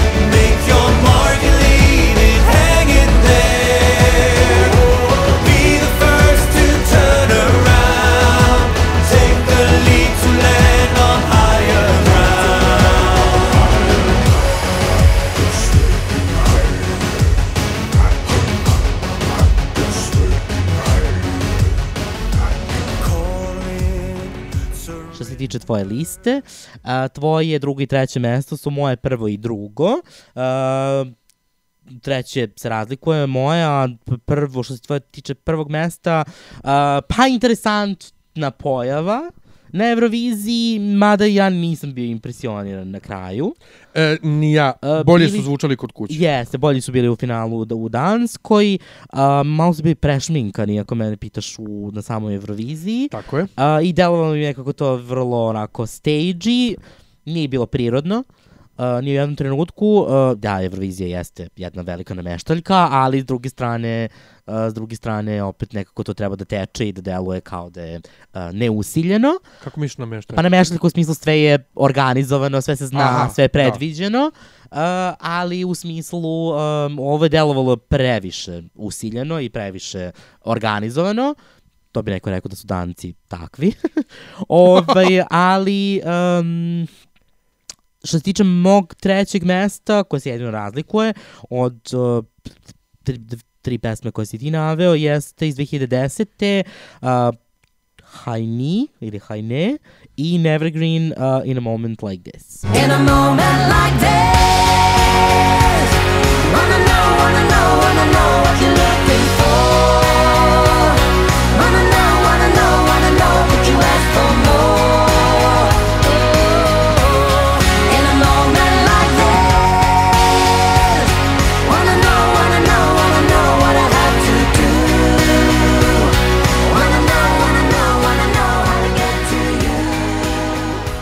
Izvini, ali meni je ova pesma toliko generična i nekako uh, 80. 90. fazon ne. Pa jeste, ali meni se dopada. Dobro. Um, Anju jedino ne, ne iskomentarisali smo. Pa to je pesma koja je iz nekog razloga završila vrlo nisko, neočekivano nisko. Mm, ona je, ja se sećam nje iz 2016. godine kad je nastupala na danskom izboru i tad mi je bila užasno iritantna.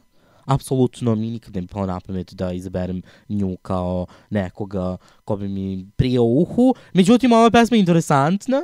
A, dobar je bio nastup, jednostavan i efikasan, što nekad i najbolje. Um, tako da ona je dobro, i dobro je pevala, zašto je završila tako nisko na 22. mestu mi nije poznato, ali ove, što se tiče Emily the Forest, Only Teardrops, ne jedna od pesama za koju sam ja navijao te godine, svakako, ali uh, bila je nekako drugačija, bila je drugačija od svih ostalih i um, eto, uspela je da, da, da osvoji publiku i žiri. I sada jedna od ovih baltičkih zemalja opet, koje su generalno meni neinspirativne i prečka stativa, ali Estonija je on, pa mislim da je Estonija po najzanimljivija od svih ovaj eh, od svih uh, baltičkih zemalja, pogotovo što sve tri pesme koje sam odabrao mi se zapravo stvarno dopadaju. Slažem se u potpunosti, Estonija kao da pripada više Skandinaviji u tom nekom smislu nego tim pribaltičkim uh, zemljama. Um, uvek je nekako to drugačije, oni se trude da zvuče drugačije, da um, pošalju dobre pesme, imaju svoje svake godine nacionalno finale, um, na Euroviziji su od 94. godine, uh, pobedili su jednom, iz neobjašnjivih razloga. E, to, to je jedino što je ono Ovaj, užas. To je jedan od, od, od pobednika koje niti kapiram, niti niti želim da se Jeste, sećam. ali um, dosta uspešna na Euroviziji, naročito kad pošalje uh, pesme na e- estonskom. Uh, tako da ja se slažem da dosta pesama koje su učestvovale do sada zavređuju pažnju. Koji su tvoje top 3? Dakle, moj top, moje top 3 uh, 2012. od Lepland uh, i Kula. kuula, mis vaikusesse jäi. kuula neid lihtsaid hetki vaid sa kuula. kas südamel on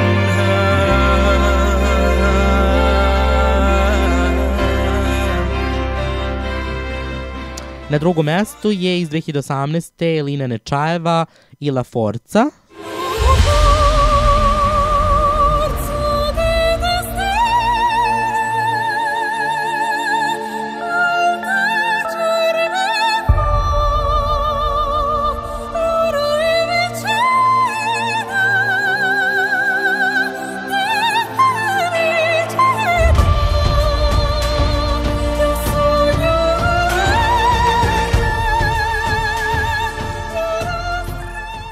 i na trećem mestu iz 2009. Urban Symphony Rendajed. Ceo dan rendava ti ga razpeva, ceo dan rendava si zajo stajega.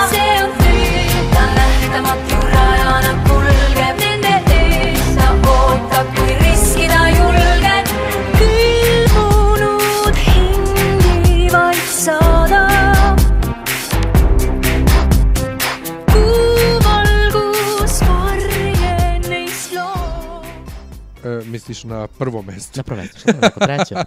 Rekao si na trećem mestu.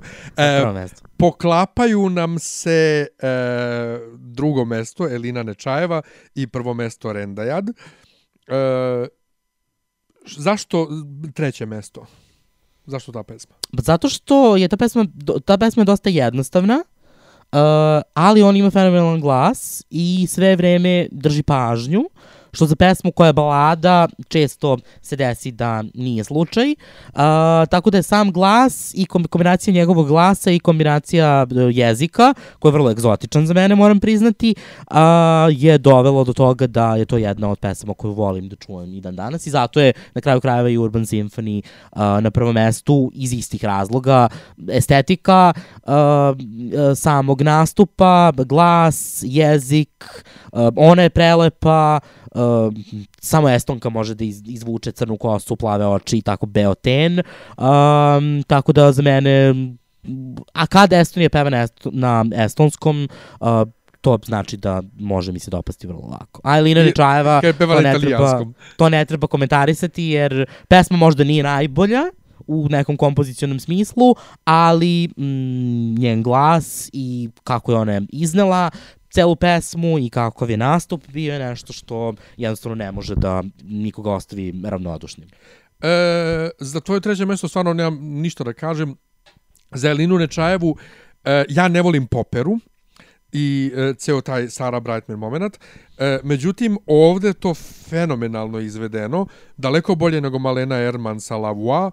E, njen glas je prelep, ona je to s takvom jednom lakoćom otpevala, koje se ljudi često mnogo dive, ali za te ljude kojima je to posao, to je njima normalno. Kao meni tebi da pričamo, njima je na, na taj način pevaju. Nastup je jako efektan, iako nije najoriginalniji, ali je jako dobro tehnički izveden. I Urban Symphony mi je isto uh, prvo mesto, jer ima istovremeno, eh, pa ja ne volim taj classical pop, znači mešanje klasike i pop muzike, ali oni su to tako... Um, e, pa mo, možda je to i do, i do tog jezika, što zvuči tako egzotično i sve jako je dobro urađeno. A moje treće mesto da čujemo, a to je 2015. i Elina i Stig Goodbye to Yesterday. I didn't wanna wake you up. My life was never gonna be enough. So I took my things and got out of the way now, girl.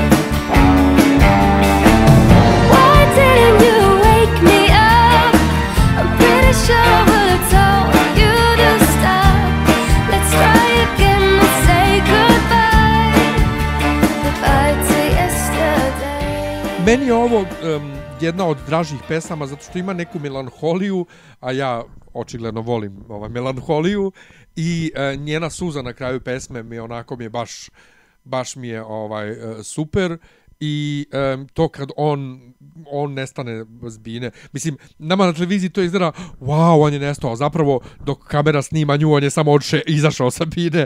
Ovaj, tako da, da. Pa da, cela pesma, cela pesma je vrlo emotivna i ona zapravo sve vreme plače i sve vreme ima nekakve suze koje teku, da li je to namerno ili je to zaista ona doživjela tu pesmu na tako emotivan način, to je sad ipak Eurovizija je, uh, šarana, laža, ovaj, ali s druge strane, da, jeste jedna od emotivnih i recimo pesma koja bi se mogla naći na nekom četvrtom mestu u mom nekom, uh, u mom nekom sistemu, uh, tako da slažem se u potpunosti, vrlo, vrlo, vrlo jedan kvalitetan i nastup i pesma i efekat. Dakle, sledeća zemlja uh, koju pokrivamo je Finska. Dakle, od 1961. učestvuje na Euroviziji zemlja koja je uh, završila najviše puta na poslednjem mestu. Jedna od, eto, najneuspešnijih eurovizijskih nacija uh, iz raznih razloga. Verovatno i taj fin, i verovatno finski, koji eto, uh, ako estonski zvuči egzotično, uh, finski nekako zvuči Još egzotičnije, još ali egzotičnije, previše ali egzotično. nepoznato, nepoznato egzotično, tako da uh, što se tiče uh, više puta su bili odsutni iz tog razloga što su tako loše rezultate imali, jednom su pobedili um, 2006. čuvena pobeda Lordija i Hard Rock, rock Aleluja uh, i češće su van finala nego što su u finalu um, pokušavaju iz godine u godinu s različitim uh, trendovima koje prate da poboljšaju taj status, ali eto, nažalost, uh, ne ide im ne, ne, ne ide im nešto najbolje. Ali se sad i trude malo sa scenskim nastupom. Oni su ranije imali bukvalno pevač stoji peva i to mi je objasnio e, drugar Finac koji sam upoznao preko nekog Eurovizijskog foruma još 2005.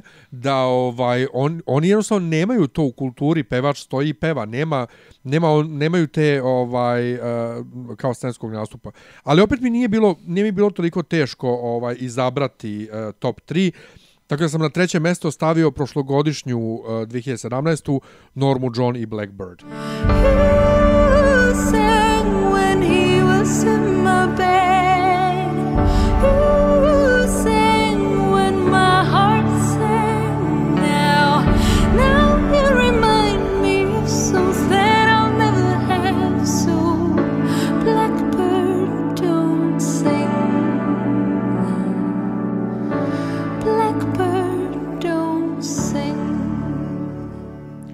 A onda idemo živo dalje, što bi rekla Ceca. 2009. Uh, Valdos People i Lose Control.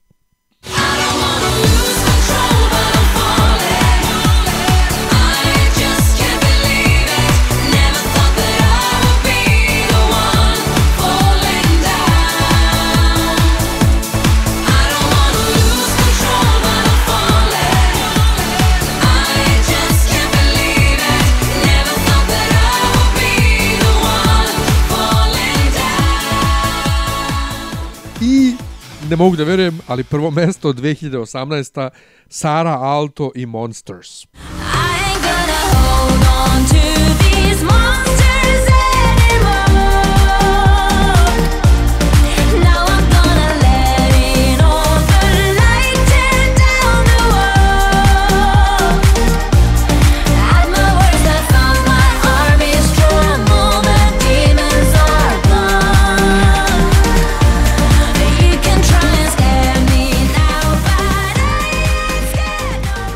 Apropo, oni nemaju smisla za scenski album, nemaju to 2009. dakle brza pesma dance ono, a oni svi stoje na bini kao ciganska taraba poređani i, i pevaju. Dobro su pevali i e, dobra je pesma, ovaj, ali to baš ta 2009. pokazuje koliko oni nemaju smisla za scenski nastup, a 2018. i Sara Alto pokazuje koliko se trude sada s time. Ona koja visi na onom, na onom krugu ovaj i vrte je okolo i peva na, na glavačke žena.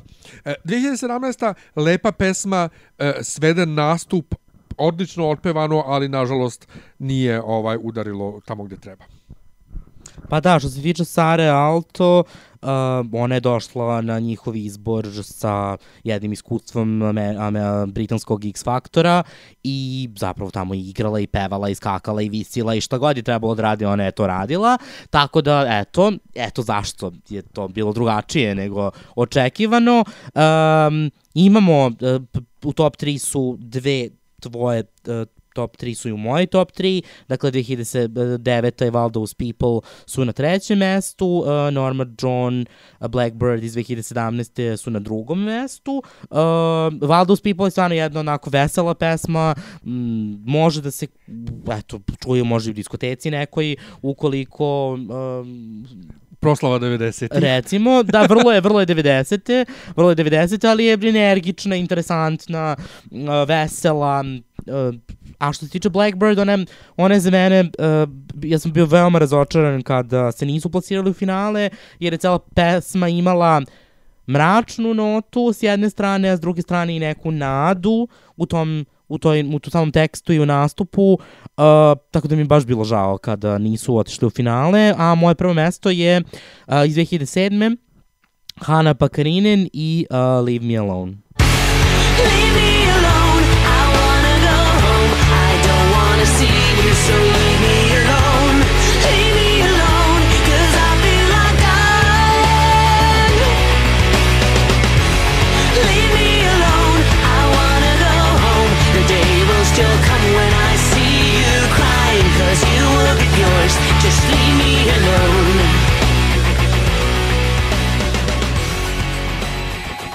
Da, 2007. mi je bila isto u ideji.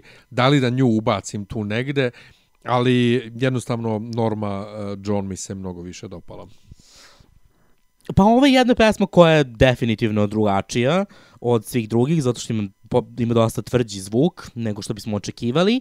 To je nekako bilo verovatno ideja i u samoj Finskoj a, posle pobede Lordije 2006. da naredne godine kod kuće m, prikaže isti, um, da krene u istom pravcu, uh, ali mi se ona više na neki način dopala i nje nastup i energija i uh, pesma, kompozicija pesme nego Hard Rock, rock Hallelujah, tako da eto, nešto što i dan danas volim da čujem i um, što izaziva i dalje nekakve posebne emocije.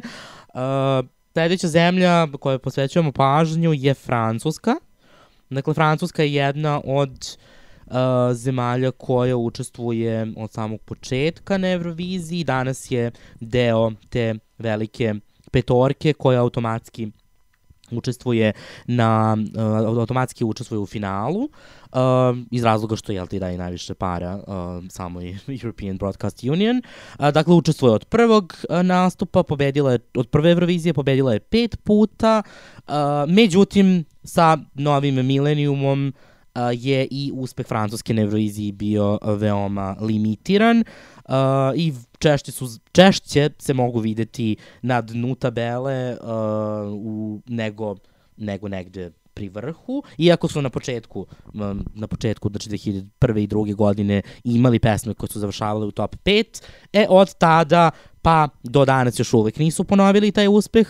Um, top 5, dva puta samo su završili u top 10 u ostalim godinama, tako da Francuska jednom trenutku izgledalo kao da je kao da je potpuno uh, izgubila bilo kakvo interesovanje za Euroviziju, međutim vidimo poslednjih godina i po um, ozbiljnosti koje pristupa izboru da se to menja i to se zapravo i promenilo sa 2016. godinom um, i kada su oni organizovali ponovo takmičenje koje, gde sada se različiti, duše još uvek neafirmisani pevači, bore za svoje mesto, ali eto, vidi se neki pomak. Šta su tvojih top 3? Uh, moj top 3 su, uh, na, dakle na trećem mestu se nalazi Patricia Kass iz 2009. i pesma Esil, ja ne znam da izgovorim ovo, ja se izvinjavam. Esil Fele- Fer. Recimo. Je regarde encore dans le bleu de tes yeux. Que tes deux mains encore se perdent dans mes cheveux. Je ferai tout plus grand. Et si c'est trop peu J'aurai tort tout le temps. Si c'est Na drugom mestu ta 2016. i Amir uh, i pesma Je Je. You're the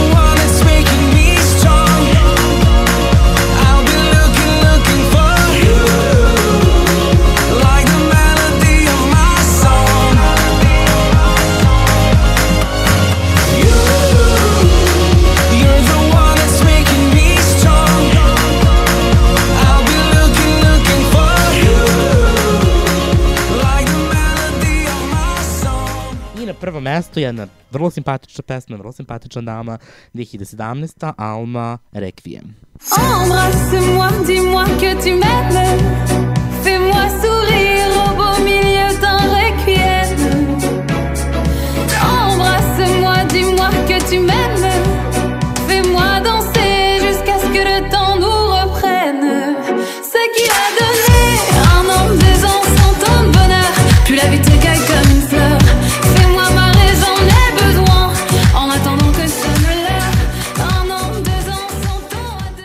Nama se poklapaju dve od tri pesme i to tvoja Alma je meni na trećem mestu, a tvoje treće mesto Patricija Kas je meni na prvom mestu.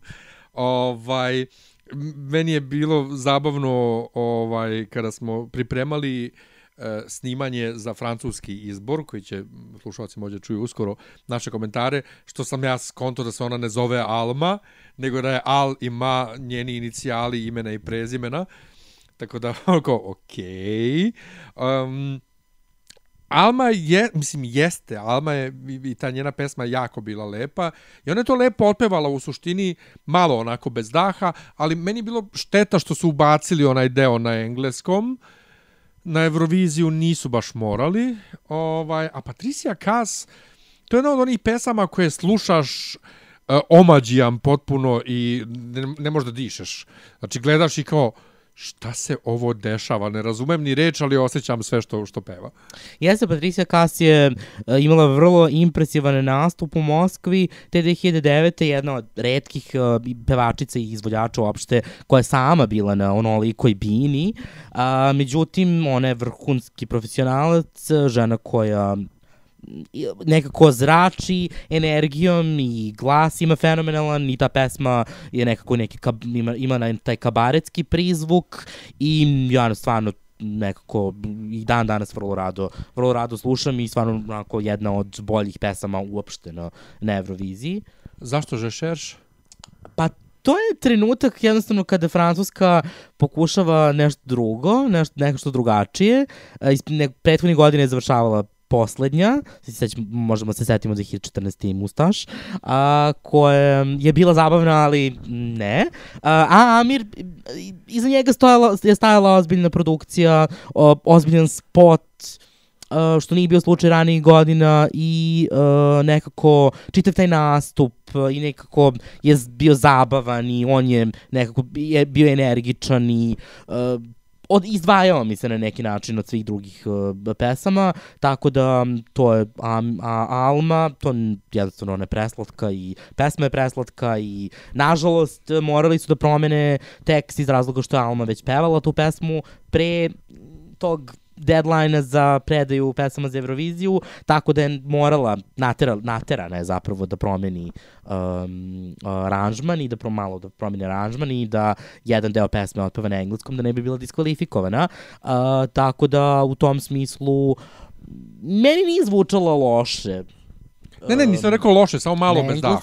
na, na engleskom, A to je to sa engleskom engleskom? verzijom, da, ona jeste bila bez daha i nekako nije mi, to, to nije došlo do, do izražaja, uh, čitav taj uh, i njen izgled i sve što, se dešavalo na sceni, ali ovaj, ali et, na engleski deo mi nije smetao, to je bilo najmanje što, što je bilo problematično, ali Da, viš, meni se Bina zapravo dopala one, one projekcije iza nje.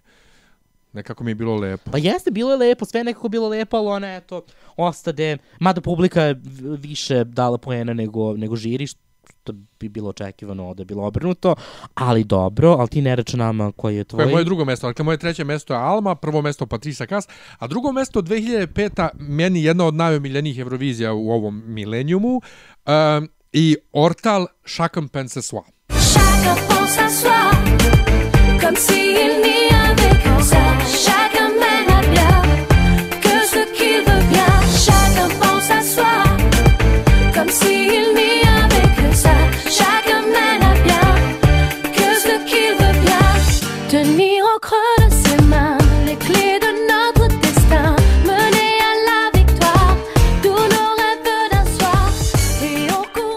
Ovo je u studijskoj verziji jako lepo, uživo je bilo uh, prečka stativa pevanje i baš je bilo onako loše, ali nije zaslužilo ovaj tako loš plasman. Tako da ovaj žao mi je što je tako prošlo kako je prošlo, ali lepa pesmica koju danas dan volim da slušam. Imaš ti neko mišljenje o toj pesmi? Lepa pesma, zapravo ja se slažem sa tobom, zaista interesantno i moglo je to bolje, međutim, izgleda da to njeno pevanje nije baš najbolje ostavilo najbolji utisak, a i to je nekako bio taj Francuska je u tom trenutku bila dosta nezapažena na Euroviziji, jer to je već period kada istočne evropske zemlje počinju da preplavljuju Euroviziju i Francuskoj to već više nije bilo mesto. E, kad smo kod preplavljivanja, prošli smo trećinu zemalja, 14, i mislim da možemo ovaj, posle ovoliko vremena da damo i sebi i ovaj, slušalcima oduška. Tako da ćemo ovde da stanemo za sada, sa prvom emisijom. E, sledeća emisija nam je francuski izbor, jer se on bliži polufinale 12. Jeste. Tako da hoću da pustimo naše komentare za ovaj e, te e, pesme pre tog izbora. I e, sledeća posle toga Španija koja je isto ovog meseca, ne znamo tačno kad, ali su nas već zeznuli sa izborom ovaj finalista. I su nam olakšali, čućemo već kad dođemo do te emisije, a onda ćemo, dakle, četvrte emisiju vratiti se uh, daljoj rekapitulaciji naših top 3. Jel se slažeš? Da, da, naravno. E, toliko od nas za ovaj put. Izvinite ako smo, ako smo vas davili, nadam se da smo bili e, zabavni. Slušajte nas dakle uskoro ponovo e, pre 12. tog ćemo da pustimo i već sledeću epizodu, a to će da bude e, naša rekapitulacija i mišljenje o pesmama Francuske ove godine. Ćao! Ćao.